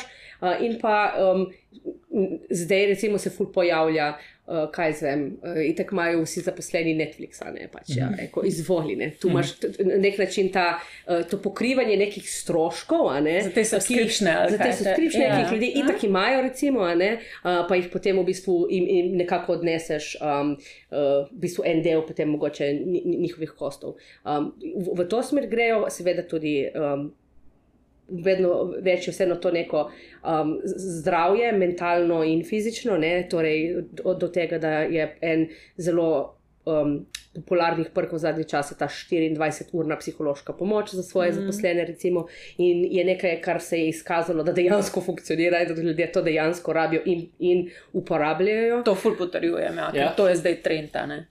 da imaš. Ja, ja. Eh, to. Eh, In pa recimo um, ena stvar, ko smo, um, ki smo jo mi um, na sintezi uvedli, je po štirih letih, ko je vseeno to že neka ful velika doba za startup, ne, da si tam štiri leta, um, dobiš uh, dodatno na svoj dopust en mesečni sabbatical, ker se odklopiš in zraven še 10 jurjev za to, da imaš tudi kaj za iti na ta sabbatical. Ja. Um, in je v bistvu tudi ta. Uh, Uh, uh, skupaj, v bistvu, ta štiri leta so konec koncev tudi um, naši um, equity, oziroma stock option plani, so na štiri leta. V bistvu, nek, v bistvu na nek način, uh, res, ko dosežeš nek milestone v podjetju, dal si res že, nekaj skozi, nekaj si že videl, in da tudi podjetje reče in naknole že to in reče, le, zdaj si res uh, tu, um, izvoli, vzami si malo časa zase, razmisli, kaj hočeš in z tega se betekla, pridi nazaj uh, z neko vizijo, tudi konec koncev. Kaj hočeš v življenju, ker to itek mm. narediš, kadar imaš en mesec fraja. ne. Ja. Uh, hočeš, nočeš. Ja, ja. Uh, tako da definitivno ta, ta res um, čas, ta svoboda, ne, tako kot si ti rekla, res uh, tudi, um, da si zbiraš na, na nek način, da si lahko vključen v strategijo podjetja, da si lahko vključen v to, kdo bodo tvoji novi sodelavci, um, da, da imaš res nek vpliv na, na svoje delovno okolje. In jaz sem videla, da um, z nekimi dobrimi praksami, da to ni omejeno na startupe, da to se da v vseh podjetjih, mm -hmm. da to se da tudi v gromozanskih podjetjih s 100 tisoč zaposlenih mi uh, narediti, da se kljub vsemu ljudje počutijo motivirane in del zgodbe in da imajo vpliv um, v, v svojem nekem tem mikrokozmosu te ekipe, ker, ker ponavadi delajo. Ne? Tu bom samo zdaj vprašal, ali so to nice to have stvari, ali so to must have stvari že danes? Mislim, da se, ful, da se dosti bolj premikamo v to, da so to must have stvari, mm, yeah. uh, ampak nažalost pa nismo niti približno še tam, tako da sigurno so nice to have Ja, ja, v tem trenutku. a ne. Ja. Zdaj se še awareness gradi, a ne? Ja, ja. ker dejansko ogromno firm se že poslužuje tega. ne, In Mhm. očitno mislim, Ja. da je eden izmed njih, ampak. Uh, Gre se za awareness in take, recimo, podcasti, a ne, ki jih imamo danes, a veš, bo ta mesič dejansko ne, ponesel ven v svet, oziroma kamorkoli Slovenija. Ne, ja, ne. da, hm. Drugače, um, veliko uh, naših uh, gostov do zdaj je bilo, pač ljudje rečejo, ja, oto, če boste angliško govorili, potem bomo imeli tujce, lahko bodo tujci prišli. No, da pa pa sem rekel, da večina gostov, ki smo do zdaj imeli, so v resnici bili tujci, ki že živijo v tujini. pa so- no, tako tako da ne E, se sam, to je ful dober point. In jaz moram tukaj res sem, malo skritizirati svojo karjerno pot, ker jaz sem jo začela v Nemčiji in so, jaz pravim, da so me pokvarili. Ker um, so mi pač, je bila to res moja prva služba z prvim Ja. šefom, z, ki si mi je res Yes. postavila nek. Baseline, in um, ko sem pač iskala službo v Sloveniji, sem imela res, re, re, res Težave. Res težave. Ja, no, jaz ker, sem- ker ja, tako nisem ja. bila na isti valovni dolžini, uh, sem potem vseeno uspela nekaj najti, ker samo zaradi, zaradi načina, kako sem delala in mojega performansa, so res pustili ne, popolnoma proste roke, ampak točno to, ko si rekel, ta, uh, v, v tujini ta, neka, ta, ta odnos, o katerih mi dva, mi dve govoriva, ni nek vudu, ki uh, ga pač. Ne, to, to, je, to, je, to, To je je res način tako, življenja, veš, ja. To je Ja, res ja, tako, ja. odnosi so res taki. In ko enkrat to vidiš, in potem, ko, ko se pogovarjaš z nekimi, sploh recimo s kakšnimi IT-jevci v kakšnih slovenskih podjetjih, ko vidiš, da imajo PTSD ljudje, res imajo, res imajo PTSD, da sp- in po drugi strani sploh ne razumejo, da so v toksičnih okoljih in da stvari so lahko drugačne. In to se izpade nek unicorn talk, uh, ki je full, uh, v bistvu nek, nek, neki domišljijski spis, ampak ne, to je res realnost v nekih tujih podjetjih. In, uh, in No, ampak vse to, kar smo se danes pogovarjali, to, kar okay, imamo neke zakonodajne Ja. omejitve. Dobro, da jih imamo zborjene. Pa nek framework mora vedno biti, a ne? Tako, Ja. framework mora biti. Mora tako, biti, ja. framework mora biti. Ampak v resnici te stvari pač niso tako težke za implementirati. Ne, niso. Z, mislim, ok, če si ogromno podjetje. Tudi prav- če si ogromno A? podjetje, ni zaradi tega, ker a veš, sprememba, ne, oziroma transformacija, zdaj je ful, popularno o tem govoriti, a ne transformacija, pa sprememba v podjetjih. Kdaj se zgodi sprememba? Takrat, ko se ti odločiš. In velik pač ne, founderjev oziroma vodi, kakorkoli se ne odloči. Odloči pa pomeni, da ti daš od. Loči, a ne, da se ločiš od nečesa. In kar jaz res pač ful poudarjam, ta learn, unlearn, relearn. In zdaj je čas, da se unlearnamo in se nekaj novega naučimo. Ne? Mislim, se na koncu koncev tudi evaluiraš, a si lahko sploh privoščiš ne iti v posodabljanje, pa transformacijo Ja, svojega pa, ja. procesa. ne. Jaz Pač- mislim, da, da v roku petih let bo zelo, zelo veliko podjetij imelo težave. Še večje. Še večje težave, mislim, tako eksistenčne težave, a ne.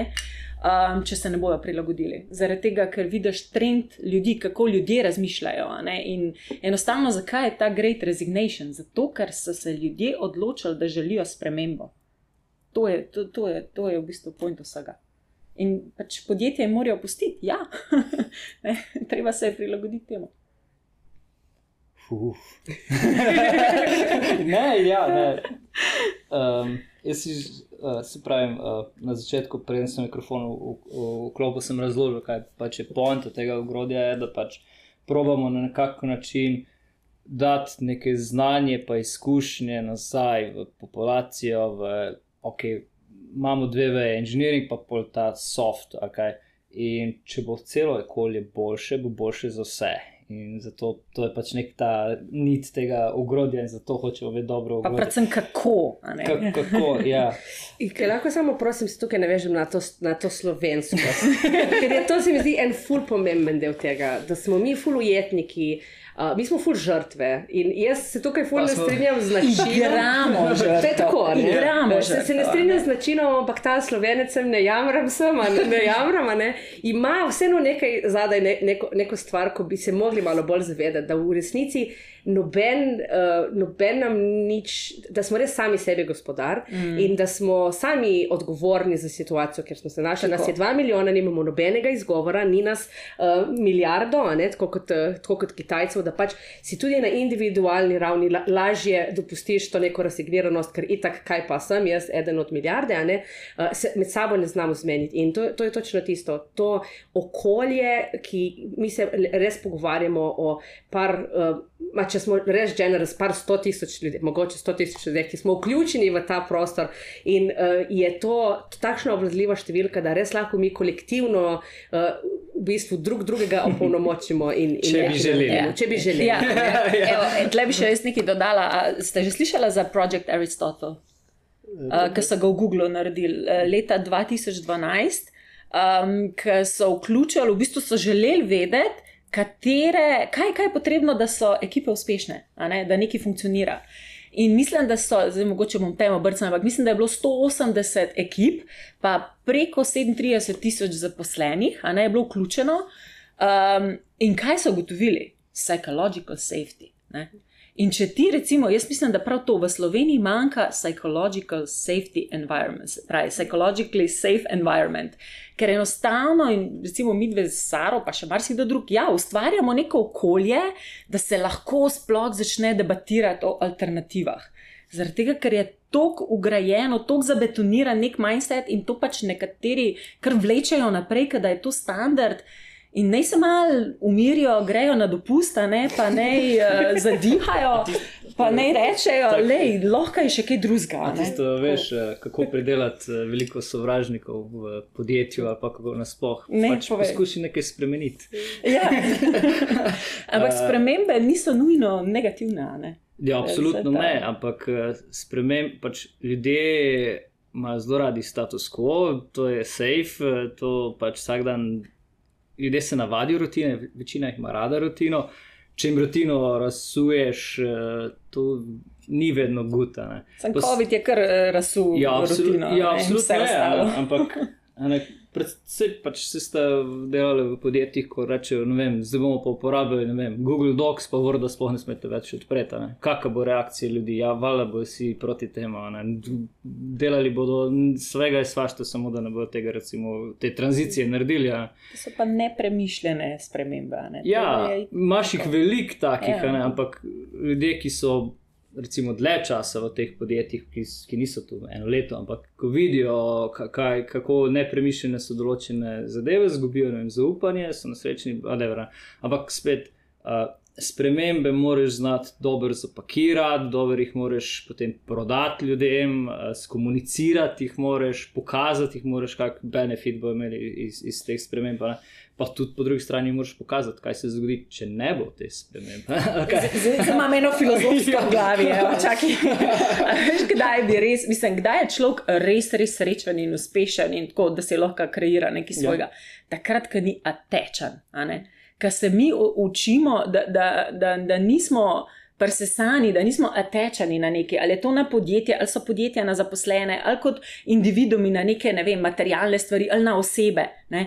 Takrat, ko mi imamo v glavi, ne, lahko damo to stran, pa kaj drugega pride. Ne? Takrat se mi zdi, in tle v Sloveniji je tako. Um, Ja, vse gremo v pravi smeri. Jaz vidim, ful, ful, ful, le potencialno, kaj se dogaja in kaj se še bo dogajalo. Sem malo bolj glasna, moramo še biti. Oziroma, ta prvi del, da ti ni strah narediti neke spremembe, tudi če ta sprememba potem ne uspe, s tem ni nič uh mhm. -huh. narobe. In to je tisto, kar Točno, se mi zdi, ja. da je trajalo eno, rabiš. Tako je, da pač kdaj imaš kakšno super idejo in je super ideja, se izpoje, ne funkcionira tako, kot si se zamislil, in s tem ni nič narobe. In še vedno si probal, in še vedno um, si se nekaj iz tega naučil. In ta del uh, se mi zdi, da tudi malo manjka, da, da se vsi poskušamo uh, na mestu ne fail fast, ne try not to fail. In, in ta try not to fail je največji zaviralec, mm. se mi zdi, da razvoja. Ne? Ker tudi tako, kot si rekel, build to last. Ja, če delaš raketo.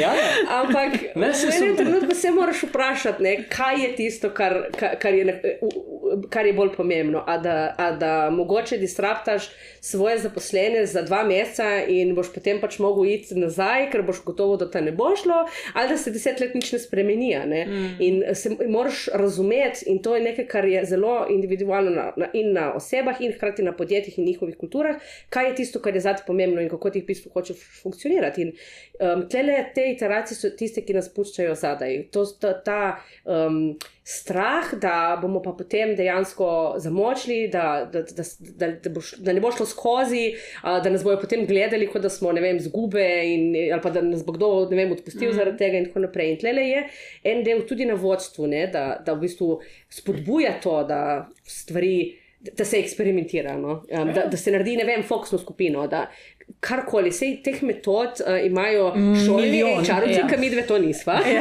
ja, res čarovci, milijardo, a ne, Ja. kako, kako to v Jaz bistvu nimam nobene počneš. izobrazbe z Videla področja sem obe HR-a. politologijo študirali, si Ja, misliš ja, to? polite, teoretska analitska politologija, prosim. ja. Jaz sem mednarodni odnos, ampak ja. Lej, Ja. Nekaj je na tem. ja. Ne, samo Ne. res pa je, da sem bila jaz tudi v tujini. No. Jaz sem bila tudi uh, svoj cajt, sem živela v Angliji, pa v Ameriki, a ne v Kaliforniji. Tako da, a veš, ta mindset ti ostane. No. Ker vidiš enkrat to širino, to ne moreš pol zbrisati. Pol vidiš, da je lahko tudi drugače. absolutno. In- in- absolutno. Ja. Ja. Zdaj bom šel na eno sorodno temo, pa tudi povezano. Um, če grem potem spremembe, pa treniranje. No. Um, tudi Rod je v, bil prej v, v naši uh, pred, pred, pred, uh, pred tabo notranji izmed epizod. Um, in je rekel, v bistvu ta um, feedback, se pravi, da ljudje imajo možnost povedati, eh, kaj jim jih moti v organizacijah, da imajo možnost povedati, s čim so nezadovoljni, pa tudi s čim so zadovoljni. Ne? In zdaj obstaja ta famous uh, performance review, um, pa mogoče najprej sploh razložite, kaj to je. Um, in da včasih so se ti performance reviewi v nekih večjih organizacijah delali, recimo na letni bazi, pa bi potem mogoče raziskali še, kako pa je to danes poteka. A mi lahko ena od vaju potem šolani, ne šolani, HR-ov, ki razložite, kaj je performance review, pa zakaj je pomemben za, za organizacije.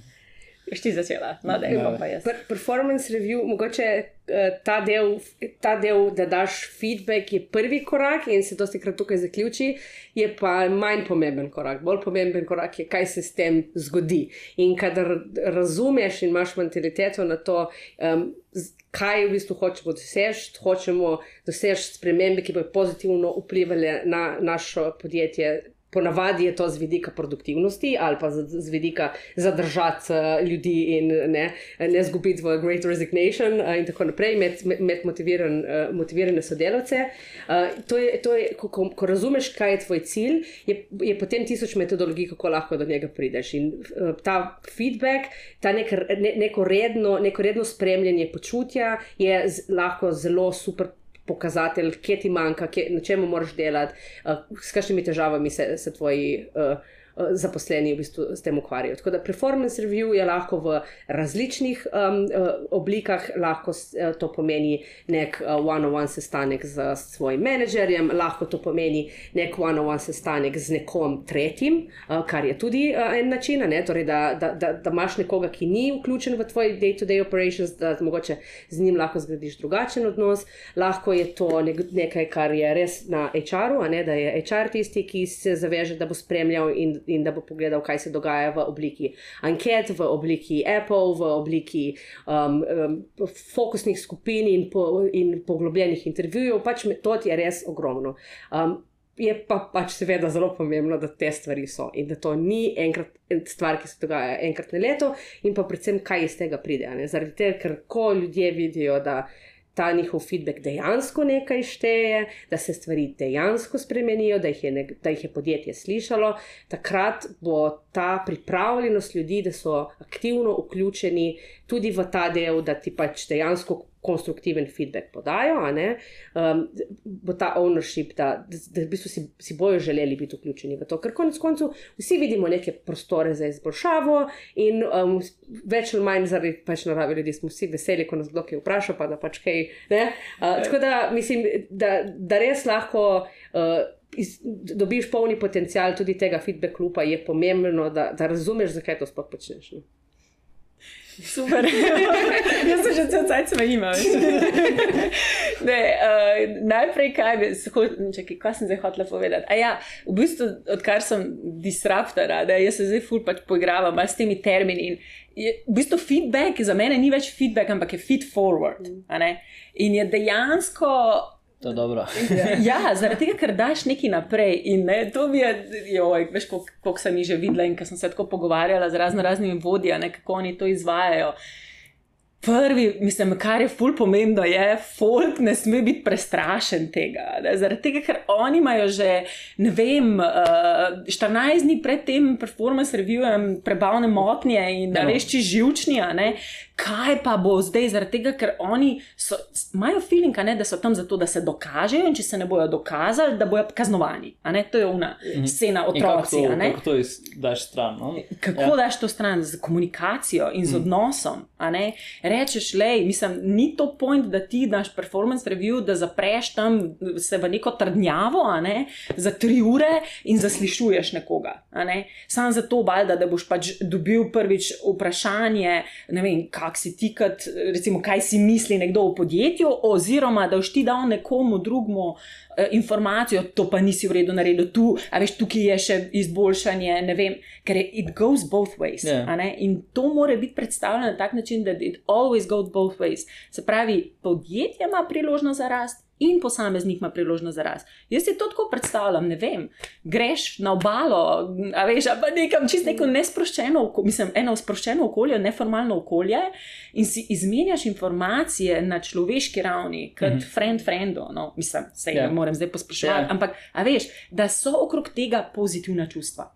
To je ful pomembno. Ker če ti v bistvu izvabiš, oziroma narediš ta psihologically safe uh, ne, environment, yeah. Ja. boš veliko več dobil, kot pa pod stresom, oziroma v negativnem smislu. Ker meni se zdi v bistvu to ful zanimivo, da je to res tako, ne, da, da nek zaposleni uh, lahko res, um, res je v nekem krču zaradi tega feedbacka, po drugi strani pa od nas, ki uh, vidimo NCV, pričakujejo, da jim bomo spremenili življenje in dali feedback na podlagi 20-minutnega razgovora z njimi, ki jih bo v bistvu um, dal na neko, mislim, in pomagal najti službo in tako naprej. Poslanstvo, poslanstvo, poslanstvo. Pač, ne, se kulava, kakšen je velju mojega feedbacka, ki te poznam 20 minut in 30 treh minutah preskrivala mm. tvoj CV. Pač to, to je tisto.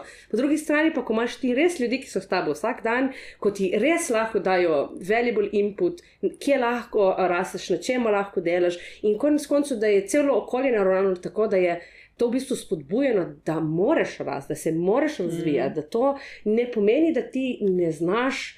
Eh, da ti nisi dober v tem, kar delaš, pomeni samo, da si vedno lahko še boljši. In nek, nek normalen človek se mora zavedati, zaveda tega. Ja, no, so, ja, ja, ja, se, ja. se zaveda tega, da pač ne, ne more vedeti vsega. Mm. Ker, ko, ko imaš ti neko določeno, ne se je tista krivulja, ko imaš pač ti neko določeno zavedanje v tem, veš, da ti ne moreš vedeti vsega. In si prav je, da si želiš, da, boš, da si vedno boljši v tem, kar počneš. In da imaš to neko okolje, kot si rekla, sproščeno, da tudi um, ti kot oseba lahko uporabiš v bistvu ta dejanski insight ljudi, ki s tabo delajo. Ne pa veliko več dobiš. Ne, Ej, veš, kakšni rezultati so, če daš ti ljudem to psihološko varnost. In jih v bistvu nekako, ne vem, jim posreduješ informacije, ali pa jim jih vprašaš nekaj, boš veliko več dobil, pa če so v krču, ker tudi možgani jim bojo zablokirali in jim ne bojo prepoznali vseh informacij. Kratkih pod vprašanj. Kako pogosto bi mogli imeti performance reviews? V, oziroma, te neki mikro-performance reviews, manjši performance. Jaz bi rekel, vsake tri mesece. Vsake tri mesece, četrtletje. Ja, četrtletje. Ja. Okay. A bi mogli biti anonimni? Ne, ne, ne, ne, ne. Mislim, da je to spet transparentnost, ja. pa to zaupanje. Zdaj je odvisno, kakšna je kultura, kakšno je v bistvu stanje v podjetju. No? Ker da pa ti nekoga silaš v neki. No, ne Mislim, vsekakor ne škodi, če imaš tudi kakšen. Če, ja. če mešaš različne tako, variante, tako, imaš tudi za, za, za kakšno vprašanje, neke, neko to z varnost, tudi za anonimnost. Ja, ja, se strinjam, ja, ker mogoče nekateri pač niso no, še vedno jim mora biti komfortabilno, da dajo nek input. Okay. Um, zdaj opazil sem ful nekih teh uh, toolov, zdaj tudi na enem izmed teh uh, meetupov, kjer si, si bila gostja. Mm -hmm. uh, sta bila predstavljena dva toola. En je bil tool, ki saj bit, mislim, se reklo. Uh, Sci-fi. Sci-fi, ja, okay. ki je bil tool, ki v bistvu pomaga rekruterjem nekako izbildati ta funnel, od prijave kandidata, filteringa do prvega. Ne, saj biti pa quantify. Ja, ja, ja, ja, sorry, bil, se en, opravičujem, Eva in Luka. Ja, mal, ja. En, je bil, en je bil ta, se pravi, do, do, preden priješ do rekruterja. Um, potem je bil pa drug, ta, ki se ukvarja v bistvu z analitiko znotraj podjetja, ko poskuša v bistvu ugotoviti, kakšni so relationshipi med ljudmi, ali so to dobri, pozitivni, spravi tudi neka ta. Um, Kako komunikacija poteka, in tudi v bistvu nek performance, konec koncev, če prav razumem, ni sicer point, ampak da dobiš dobro sliko o zdravju svoje, svojega, svojega human potencijala. Um, veliko je nekih teh toolov, ki v bistvu poenostavijo delo HR ekspertov, um, ampak te tooli ne morejo nadomestiti, verjetno, sestanka z menedžerji in, in podobno. Ne kje vi ja. vidite ta nek balans tega toolinga, pa, pa v bistvu na nek način tudi. Uh, To je super, kar si rekel, da ne morejo nadomestiti, ja. ker jaz vidim, ne, da ogromno podjetij se hoče kar losati, veš, kar, kar, kar, kar stran odrivajo vse te stike z ja, ljudmi ja, in ja. odgovornost in kakšen feedback bojo dobili in tako naprej. Ker najlažje, ne bom rekla najlažje, yeah. jaz mislim, da tle res mora biti balans. Vse ta urodja, fenomenalno, yeah. ampak to mora biti res v balansu, se pravi, to mora biti kot nek dodatek, ne? uh -huh. uh, nekim pač, uh, bom rekla, ustrojenim praksam uh -huh. ne, odnosov z ljudmi. In um, ravno par dni nazaj sem brala no, eno, sicer pač nekaj čisto off-topic, v healthcareu Amerika, ne, kakšne težave imajo v bistvu pri teh performance review oziroma pri teh servi, kaj so ankete, ne ja. zaposlenih, yeah. uh, uh, koliko so zadovoljni. In koliko je to v bistvu vse prirejeno v nekaterih podjetjih, zaradi tega, ker enostavno ljudje si ne upajo povedati resnice. In potem so nekako, ne vem, ali prisiljeni ali kakorkoli, ali pa joj, nikoli ne ve, joj, kaj če bo kdo to videl. Veš, ta podzavestni nek prešar, ja, ne, če te vpraša neki, um, pa daš rajš, ne vem, trojka, pa enko. Mm. Tako, no, jaz recimo opažam, zdaj ne vem sicer, kako yeah. Ja. pač ta, ta tituli delujejo, ker jih nisem uporabljala, ampak vsekakor vidim, da je to nek addition, nek dodatek. Ne, -hmm. ne moreš ti, tako kot ne moreš na podlagi psiholoških um, vprašalnikov, pa rekrutingu, ne moreš ti videti, kdo je človek, razumeš? Mm. Brez, da nimaš svet. Kaj smo izgubili z, z, tem, z tem prehodom na nov sistem? Sej vem, kako se bo to slišalo, ampak sindikalni zaupnik, ne? Ja. Jugoslavija, ne? Ja. Sindikalni zaupnik, to je to, nekdo, ki. Shoulder, je ja. izven, ja. Ja, ja, izven ja. Uh, neke, neke sistematizacije, nekdo, ki, lahko, ki si mu lahko zaupaš kot človek in veš, da bo sporočilo šlo naprej, brez da bo človek povedal, od koga je prišel. In če, in če, in če uspeš vzpostaviti to zaupanje, in jaz osebno mislim, da pač HR je tle za to, Tako, da je to tudi ja. en del tega in da tukaj res ja. ful zgubljamo, mm. da nismo zaupniki. To, ja. Tako da ja. moramo biti pač v bistvu zaupniki tudi do, do managementa. Jaz tudi, mislim, da moraš biti na obeh stranih. Ab, absolutno. Ti moraš alaj na to energijo, oziroma biti zaupnik na eni in na drugi strani. Ne smeš delati, recimo, ne, v školi. Tudi če to pomeni, da pač jaz sem tisti. Um, da si ti tisti, ki, ki, ki te potem nekdo grila, ker to je tvoj, to, to je tvoj job. Da, to, ja. da poveš, kakšen je puls, iskreno, uh, brez da, da, da v bistvu izpostaviš posameznike. In uh, to je nedomestljivo s katerim koli tulom, anonimiziranim ali pa neanonimiziranim. Ne? Um, čeprav um, jaz sem ful bolj pristaš tega, da imaš, da imaš lahko 4-5 šest različnih stvari, stvari, kot pa da se pač samo odločiš, pa rečeš, mi bomo samo tako to delili, pa ne vem, mm. vsak mesec ali pa vsak kvartal, pa kakorkoli. Da malo kombiniraš stvari, zato ker smo si pa kot ljudje res različni in tako v bistvu ponudimo nek kanal um, različnim. Različnim ljudem in, in znamo dobiti tudi potem res dosti bolj vključujoče rezultate vseh, zaradi tega, ker se bo pač vsak potem zbral v nek medij kanal, ki, ki njemu osebno najbolj paše. Še eno zadevo sem prebral, kaj pač v teh trendih je bilo. Če je bilo prej um, preko teh performance reviews, si v bistvu poskušal kot organizacija ugotoviti, kdo so ti underperformeri in jih potem direktno ali, ali ne direktno izločiš na nek način iz, iz napredovanja, in potem pač ali bojo sami odšli, ali pa jim pač nakažeš, da, da, da, da ne dosegajo nekih standardov. Versus kjer je pa zdaj trend, je pa da v bistvu poskušaš ljudi, to, kar si tudi ti predvsej izpostavljal, v bistvu jih uvrednotiti, glede na njihov prihodni potencial, glede mm. na to, mm. kaj še lahko prinesejo. Mm. Mogoče ne vem, ali nekdo ni bil.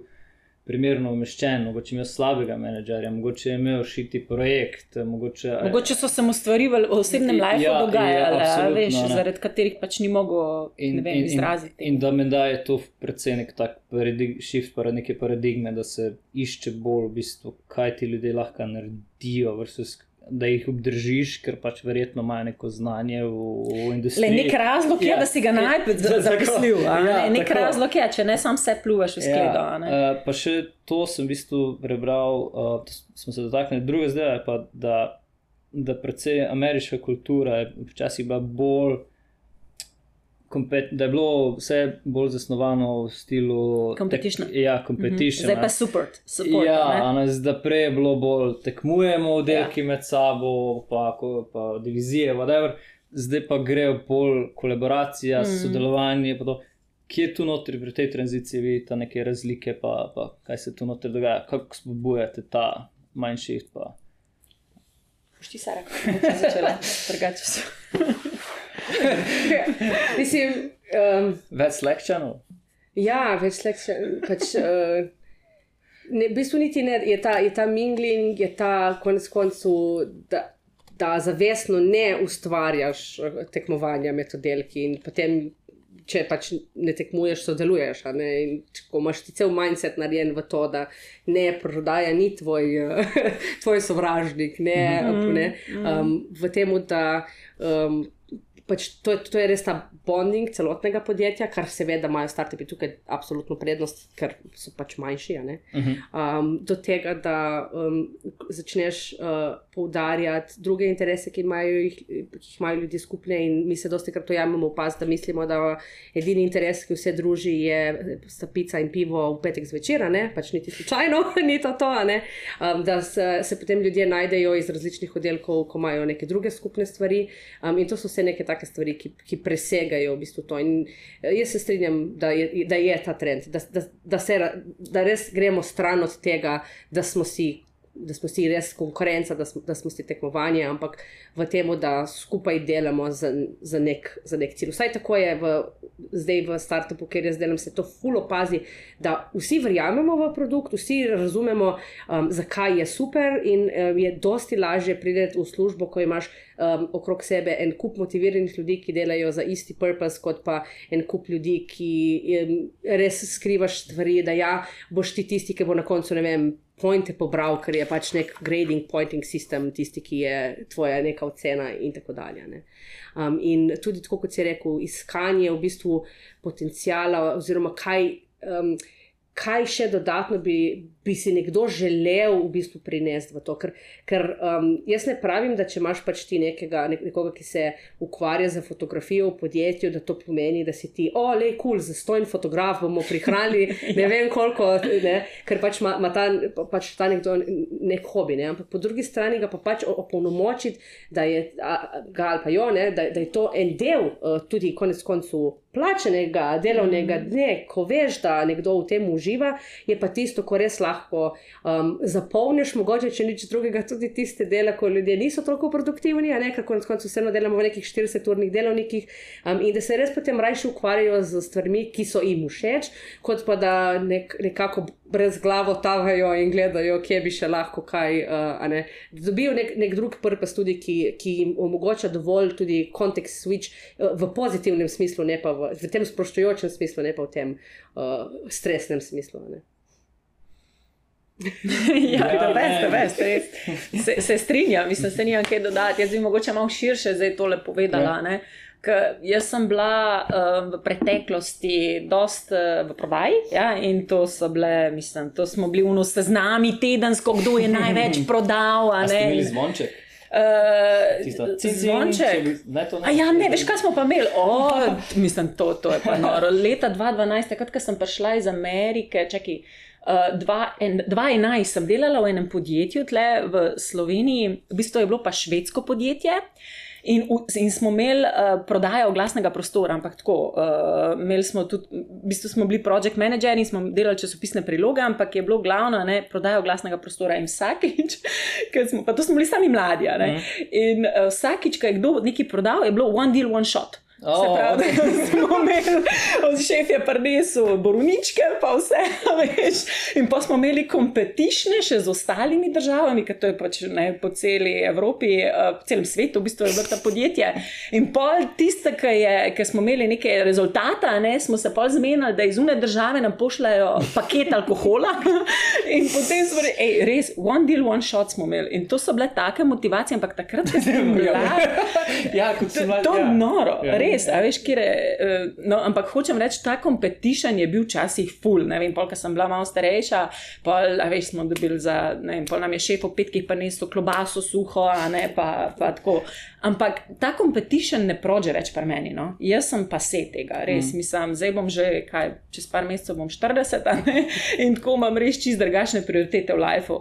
In da ti odkrit povem, kar si rekel, ta trend. Jaz sem na LinkedInu, um, zdaj sem par mesecev v bistvu noter v eni skupini Founders Sunday, se reče. In to so founderji iz celega sveta.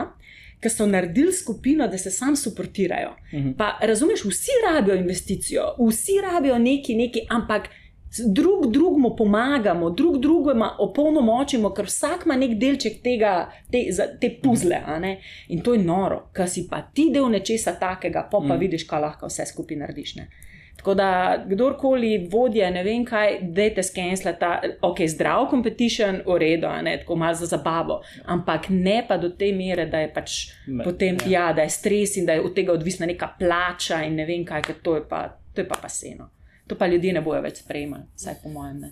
Tu imam še eno vprašanje. Um, se pravi, um, kako narediš organizacijo bolj resilient, bolj odporno? Ne?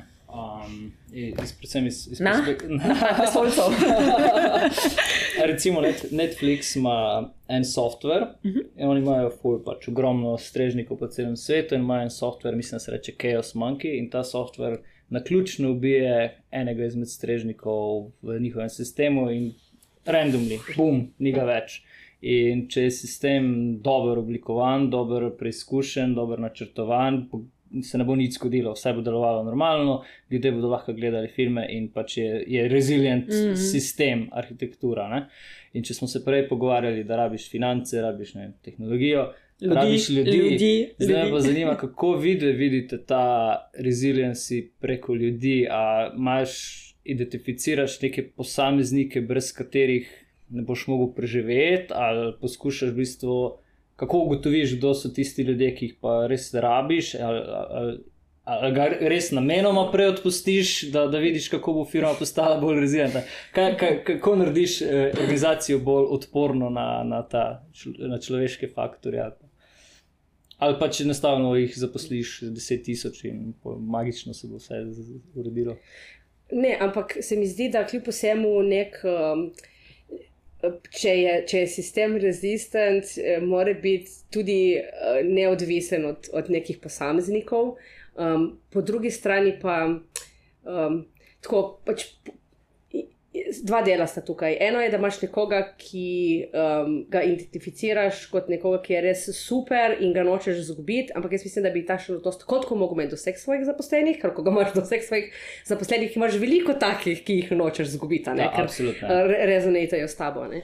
Um, je, se, se pa strinjam, da je prav, da tudi razumeš, eh, kdo je kdo v, v nekih ekipah, v tvojem podjetju in da se na, na, na take stvari pripravljaš z um, juniorji, z delitvijo dela, z zavezanostjo za dokumentiranje, čeprav je to pač eh, mogoče uh, en tašen del, ki dosti ljud, ljudem ni všeč, ampak pomembno je, da če ne greš ti jutri na Maldive in te zgrabi morski pes, da pač uh, se ne zdaj zruši cel, cel sistem, zaradi tega, ker enega človeka ni več. ne. Ker to pač je res potem slab sistem. ne. Tako da um, uh, jaz mislim, da, da, so, da, so, da so to neki načini. Po, po eni strani in, identifikacija, po drugi strani pa ta odnos mora biti v bistvu do vseh, um, da si. Da prepoznaš njihovo vrednost v podjetju, da, da, jo, da, da konec koncev jim, jim to tudi poveš, ne, uh, in da um, se do vseh obnašaš, kot da so. Ko, ki so del v bistvu tvoje zgodbe, da bi si želel, da, da ostajajo del tvoje zgodbe. ne. Uh, in da takrat, ko vidiš, da res uh, to ne morejo več biti, um, in to tudi mogoče sami povejo, tako kot si že čisto na začetku rekla, uh, sej ne pravim, da pač moraš biti vesel, pa ne mislim tako, ampak res moraš biti če si genuine, če, če genuine razumeš, kam ljudje grejo, razumeš, kdaj so te prerasli in tega ne smeš vzeti v bistvu za slabo. Ne. Um, in v bistvu si želiš imeti neko tako, tako organizacijo, ko je neka transparentnost, dovolj, da ti nekdo iskreno pove, uh, prerast, prerastel sem to ne, uh, in, in, in grem dalje. In še vedno ostaneš v nekem fair, kolegalnem odnosu, tako da te bojo čez pol leta ali pa eno leto, mogoče tudi poklicani, da jim juniorje uvedeš, mogoče imaš neki dodaten kontekst in tako naprej. Ne. Ja, se strinjam.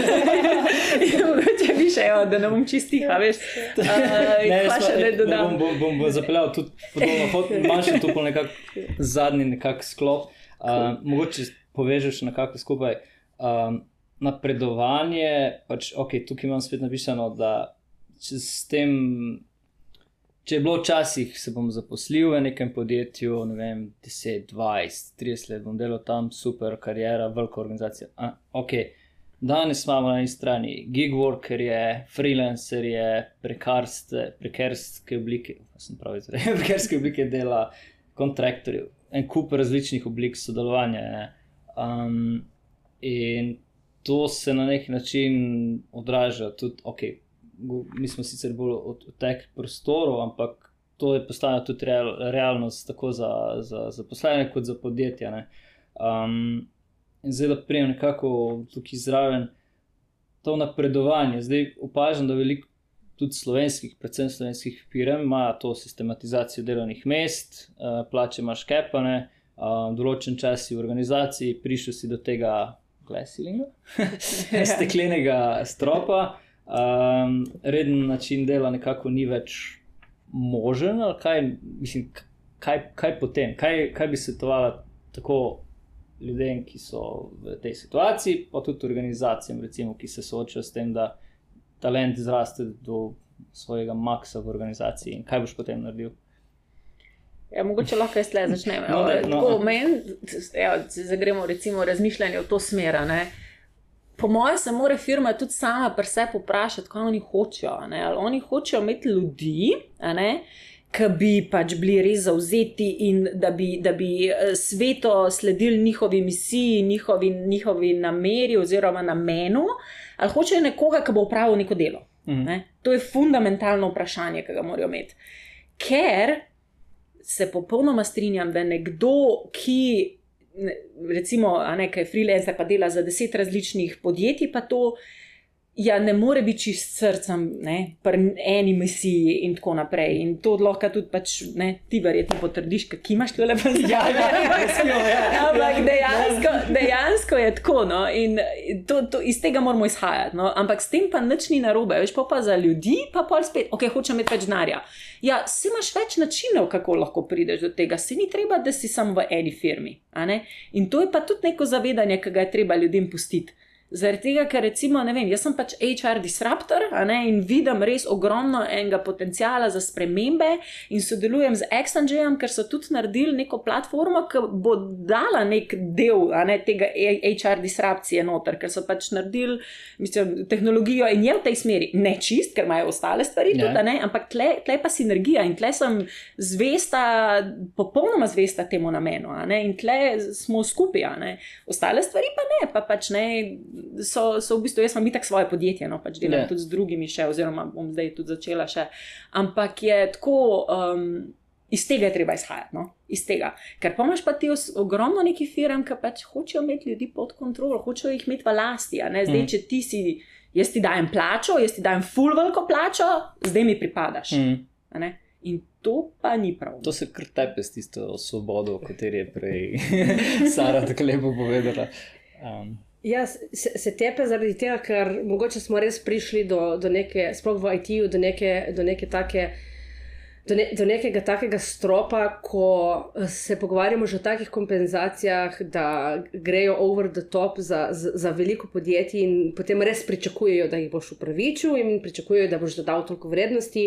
Um, v resnici pa to ni glih čisto tako, in so potem razočarani, ko, mm -hmm. ko to ni tako. Um, tlele um, je tle ni lahkega odgovora. To so res težki izzivi, s katerimi se, s katerimi se podjetja soočajo, prav zaradi tega, ker je um, ratov pač globalen trg um, in smo tukaj, uh, si, je, si kandidati res lahko izbirajo um, te delo. Po drugi strani pa rekla sem tako. Um, ta, sploh ta, plač, ta plačni del, recimo, to je neka stvar, ko jaz vidim, ko se pogovarjam z ljudmi, veliko krat del tega, zakaj ljudje zamenjajo službo.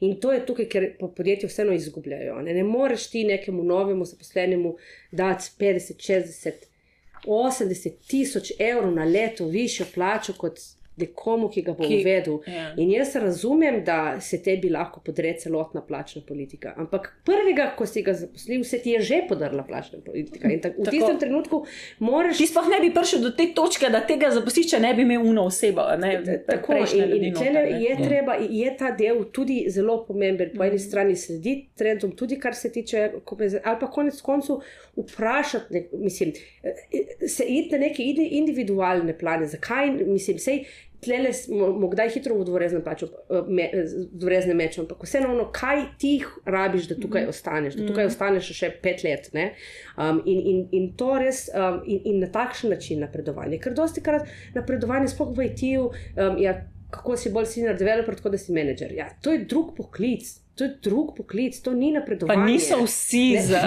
Absolutno, niti približno niso vsi. Pa niti ne želijo biti. Pa niti, veš, ne, niti ne želijo biti, to je to. In, in to je tisto, tudi neko siljenje, da, da konec koncev ti moraš napredovati, ja. ne? da, da ti ja. moraš ne, nekam iti. Zdaj, kaj, tako, si rekel, kaj se zgodi, ko ti podjetje prerasteš? Uh, jaz mislim, da v tistem trenutku, um, ne glede na vse, je prav, da uh, za, za svojo neko uh, zadovoljstvo da se od takega podjetja vseeno ločiš, da vseeno greš dalje, um, da mogoče ostaneš z neko, z neko nogo še, še tam. Uh, ampak jaz mislim, da s tem ni nič narobe, prerastemo.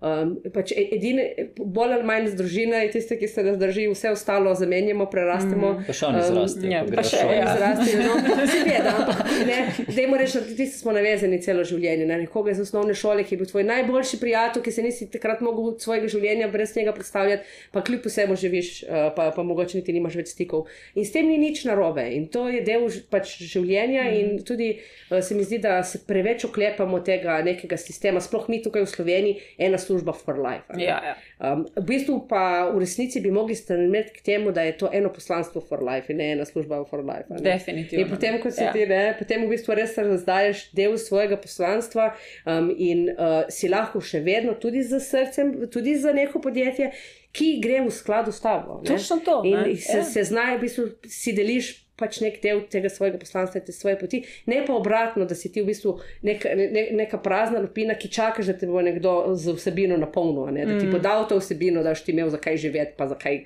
Se veseliti nekega kariernega napredovanja v ta consultancy services. Ja, ja ne gomo 100 tisoč ljudi. Ker recimo, ne, veš, imaš najprej job, se pravi službo, pol imaš uh, kariero, a ne pa imaš pa poslanstvo. Ne. In do poslanstva pač ti prideš, v bistvu se te samo najde, ni zdaj uno joj, ne, jaz pa zdaj ne izpolnjujem svojega poslanstva, zdaj sem pa čist depresiven. Ne, ti moraš tako vse posod probati. In recimo, veš, poslanstvo se ni nujno, da je vse posod povezano z jobom. No? Tako, ne, ker tukaj se malo mal napačno razumevanje. Ne? To je ta razlika, ja. karijera versus služba. Tako, tako. Ja. In dejansko tukaj je res eksperimentalno polje. Uh mhm. -huh. In morajo tudi podjetja razumeti. Pa še to bi pač poudarila, ne, da fundamentalno razumevanje je pa to, da je plan plača je transakcija. Nekdo na eni strani da znanje, izkušnje, čas in energijo, nekdo na drugi strani da pa denar za to. In to je zamenjava, to je blagovna menjava, to ni uno, zato ker pač jaz tebe zdaj plačam, a ne moreš ti to narediti. Nitko, ne. In obratno. In, in obratno, ja, ja, ja, ja, ja, ker, ja, ker smo, res pridemo v to. Jaz bi, jaz bi zdaj 20 postov, mi imamo ful te, ful, jaz ful takih kandidatov vidim. Sploh recimo, ko izhajajo iz kakšnih um, stresnih startupov ali pa so videli res fulnega growth, pa vidiš, da v bistvu so sam premladi še, da bi se upokojili, pa pač neki iščejo, pa hočejo 20 postov več za to, da se bojo pač tam nekam skrili in da pa, pač smo mi zdaj tukaj že, ne vem, na kaj, 120 jurjev na leto, da se pač tam neki skrili in da bojo v bistvu delali neke osnovne stvari, kot jih nek junior lahko. Ne? In si tako, ja, pač, ja ampak ne, ne, pač to je Ja, transakcija. ja, a ne? valjda, pač ja, ti moraš exactly. vseeno, tlele vseeno um, moramo biti malo realistični um, tudi uh, v, v Obe strani morajo ne? nekaj dobiti, valjda. Ampak po drugi strani, če imaš ti podjetje, kjer se ti res osebno dobro počutiš, ti bo uh, sploh v IT-ju, ko se le pogovarjamo, da so naše osnovne potrebe vedno zadovoljene, da so dovolj visoke kombinacije, da so naše osnovne uh, uh, potrebe vedno zadovoljene, uh, ti pač kdaj tistih pet ur več, uh, več ali manj leto ne bo pomenilo uh, toliko, kot ti bo, ne vem, mogoče pet dni dodatnih dopusta. ne? In to je Vpraš- tisto, ne, vprašaj, tako. ne, ja. Uh, In to je tisto, ker, ker v bistvu imamo ful mango, ko res poskušamo z, za eno stvarjo vse zadovoljiti, hkrati pa. Um, Tako ta, vedno ta borba med individualnim in pa, pa kolektivnim, pa biti fair, pa hkrati uh, biti vključujoči, in tako naprej. In, in se pač moramo tle najti ne, neko zdravo sredino, da kljub vsemu nam ljudje ostajajo, se dobro počutijo, se počutijo izpopolnjeni, ampak hkrati, da zaradi tega lahko opravijo tudi svoj del te transakcije. Mm. Sar, eno vprašanje imam še za tebe. Čistko. Uh, kaj pa recimo, če nekdo v ekipi a ne, si želi povišico? Kako uh, se ti, s tem tudi ukvarjaš, recimo? Pač, da hoče recimo več denarja. Mislim, jaz, uh, jaz, jaz nisem HR-ovc v tem podjetju. Ja, rekruter, ne, ja, ja, tako ja. da uh, se, se s takimi stvarmi ne ukvarjam. Sem pa to videla v prvem podjetju, ker sem delala, ko sem v bistvu prvič, um, mi je ta moj uh, idealističen pogled, komunistični v svet, da je prav, da vsi isto zaslužijo, bil malo uh, tako, uh, se nehala gledati na svet skozi rožnata očala v tem. Uh, Se je smislu, zamajal. Ker sem videla, ne, da pač niso vsi isto. ne. Ja. In da pač n- in, in da, razumem, iz kje to izhaja. Bom pa rekla, da ta neka povišica, eh, to neko zahtevanje ponavadi izhaja lahko iz več razlogov mm. in tle moramo najprej ugotoviti, ugotoviti Kaj so je zadaj, razlogi, a ne. ne? Ja. Um, a je to druga ponudba, a je to, da so dejansko um, manj plačeni kot, kot ostali člani ekipe, ali je to, da res več pripomorejo kot ostali plač, mm. člani ekipe, pa to vidijo, ali je to kredit za službo, ali je to ločitev, mislim, mm. ali so to otroci, e- en kup nekih dejavnikov je. In- Ful dober odgovor, se strinjam. Nisem hotela sama tega, ampak je the best, the best. Um, hotel sem še zadnje vprašanje nekako oblikovati, da potem to našo debato pripeljemo do, do ciljne črte. Um, zdaj, uh, ja, to, ta naš podcast v osnovi posluša predvsem ljudje v, v tech industriji, pa tudi zelo ši, na, na širš, v širšem smislu, no, um, tudi ljudje, ki mogoče niso programerji. Pa, um, pa bi mogoče prosil še. Zdaj je bilo ful, je bilo to ogromno nekih dobrih, res dobrih uh, upogledov, navodil, um, na svetu, izkušenj, čudovito. Um, zdaj slišal sem, da pač nas poslušajo tudi v javni upravi. Um, in dobra javna uprava bi naj bila nek servis za, za, tudi za vse nas. ne. Um, pa me zanima, velja to, da pač so precej omejeni s svojimi, svojimi, eh, svojimi budžeti, um, težko dobijo ljudi v, v organizacije, zato ker pač konkurirajo z zasebnimi firmami, ki so bolj odprti. Um, Kakšen na svet bi mogoče dala HR, HR ekspertom v, v javni upravi ali pa odločevalcem v javni upravi? Um, eno, en dober na svet, poleg vsega, kar smo že zdaj povedali. Pa- Za pridobivanje ljudi. Ja, ja ali pa okay. pač nekaj, kar bi konec koncev tudi do nas prišlo kot državljanov. En tak, eh, pa naj bo to neko zadnje vprašanje v tem smislu. Evo, um, ja, zdaj le, kar mi najprej pade na pamet, je, da omenim Ernesta Shackletona. to je bil en raziskovalec, ki uh, je šel na Antarktiko in je v bistvu rabo ljudi, ne, da so šli z njim. In je dal ven oglas. Um, ja, iščemo ljudi, ki bi šli z nami na to ekspedicijo. Uh, zebel nas bo, uh, verjetno ne bomo imeli za hrano, skozi bo tema, lahko tudi umremo, ampak če nam parata, pa pridemo nazaj, boste pa vsi uh, srečni in bogati. In kaj misliš, koliko ljudi se je prijavilo? Malo je mrzlo, se sliši ta stroščina. Ful jih je, ful Ful. se jih je prijavilo, na Ja. tisoče. a ne. Ja. In kaj to pomeni? To pomeni, da če si ti avtentičen, pa iskren, pa transparenten, pa tudi poveš to, kar ni ok, Mhm. a ne, boš dlje pršel, kot pa da boš ti sliko neko sliko, ki je totalno nerealna. In zdaj okrog. pač roka na srce, okrog slovenskega javnega uh, sektorja, ne, imamo vsi določene, um, bom rekla, predstave. Um, Ni vse posod koga, ne? tudi marsikje zelo dobre stvari funkcionirajo, ampak ja, ti assumpšni, se pravi, te predpostavke, ki jih imamo v glavi, nam pač slikajo neke določene slike, določene stvari, ki se dogajajo, tudi ne pripomorejo, da bi šlo, ne, da bi se to spremenili. Ampak kaj hočem povedati, um, če ljudje vejo, da niso vse stvari tako, kot bi mogle biti, in pol en jim govori, da je pa top ne, in mhm. ne vem kaj, ja, tle pač ne bo odziva. Če jim pa rečejo, lej smo, a ne, do zdaj smo pač na tak način delali, smo zafrknili, ne vem kaj, da malo, ne, pokažejo ta, to ranljivost. Ja. Adventure is tako, tako, adventure, čaka vas adventure, ne. Okay, okay. Pa lej, se nima kaj za zgubiti, če so že vse druga prej probali, ne pa še to probajo, da bojo avtentični, no. Evo. Javni sektor je moja ljubezen. Jaz se smejem. Ne, res, jaz sem. Ne, res, jaz nimam nobenih negativnih, mislim, pač razumem, da so, da so stvari kdaj počasne, ampak jaz vsak mesec z veseljem plačam svoje davke in to mislim resno. Nimam nobenih težav s tem, se ne jokam vsakeč, ko vidim, da ne, gre neki državi, ker razumem, zakaj jo imamo. Na dan, ja. evo. Tako, tako, razumem, zakaj jo imamo. In, um, mislim, da imamo vsekakor prostor za izboljšavo uh, na eni strani z procesi, ki se jih uporablja, na drugi strani z nekim, z nekim uh, tudi renomejem v družbi. Um, in um, bom rekla, da za to pač neko mlajšo generacijo um, sem tudi jaz videla že en kup res odličnih projektov, ki se, uh -huh. ki se mhm. kdaj res si tako, o, oh, cool, oh, wow, ja, pač, kdo je to naredil, pravi. Ja, ja, ja, uh, tako da pač dejansko um, je ta. Um, In moramo se nehati kolektivno, kot družba, sprijazniti s temi izgovori, mm. da se ne da, da se. Da se vse um, da. Ja. In, in um, čakati, tudi če se navežem prej na, sloven, na, na to slovensko, čakati, da nas nekdo reši. Ja. Mi smo tisti, ne? in noben, tudi, ne prišel. noben ne bo prišel, noben nam ne bo pomagal, bodi sprememba, ki jo hočeš videti v, v svetu. In uh, tukaj uh, hočem navezati to tudi na, na IT-ovce. Jaz poznam uh, jih kar nekaj, ki so se zaradi takih in drugačnih okoliščin v svojem lifeu že upokojili, pa niso niti približno tam.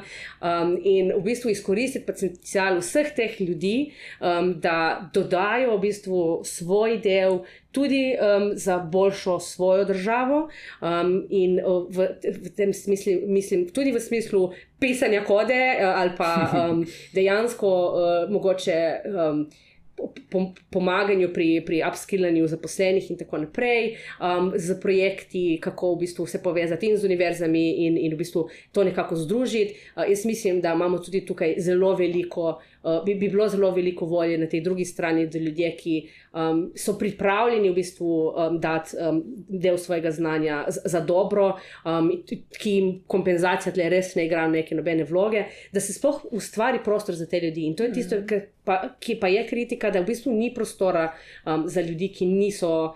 Um, Da je ta rigidna struktura, kdaj res uh, ovira. Ovira na mesto, mm. na mesto, da bi bila v bistvu framework. Uh, uh, Odprta vrata. Ja, v, smislu, ja. v dobrem smislu framework. Ja. Ja. Pač, uh, tako da jaz, ni vse slabo v javni upravi, uh, ampak vsekakor pa jaz mislim, da javna uprava ni nek, uh, neka stvar neodvisna od vseh, ampak je del vseh nas mm. in moramo mi tudi konec koncev zahtevati boljše um, in um, potem, kadar imamo priložnost, tudi delati boljše. Ne? Hvala. Um, ja, mislim, da smo zelo, zelo dobro in konkretne predloge dali tudi za to. Um, okay. Boš še lahko, da je prišle. Ja, prišli. Absolutno. Um, Anja, Žibert in Sara Vušine Gašpar, uh, zadnje besede. Preteklost vas ne definira. ne, resno, preteklost vas ne definira. Um, definira vas vse to, kar trenutno ste, kar, kar pač želite, ne, in to, kar mislite, da lahko, oziroma verjamete, da lahko postanete. Tako da ne se omejevati s tem, uh, če nečesa nimate, ampak uh, dejte biti trajno osredotočeni, kaj lahko pač uh, pridobite. Ne. Jaz imam dva, dva življenjska mota, po katerih živim. Eno je zlato pravilo, ne, torej ne stori drugemu, če se noče, da bi drugi naredili tebi, in drugo je bodi sprememba, ki jo želiš v svetu. In če bi vsi hodili po svetu s tako mentaliteto, bi bili vsi na boljšem. Čudovito. Um, Eh, gospe in gospodične, hvala za, za vaš čas in, in, in pogled. Um, Sej poslušalce bom povabil, da vajo posledijo na vseh socialnih in, in družbenih mrežjih. Jaz Instagrama nimam, imam na LinkedInu sem. Sliši se tudi, da ima Sara TikTok, ampak ne. Okay. Ja, oj, oj, kaj se je naredilo?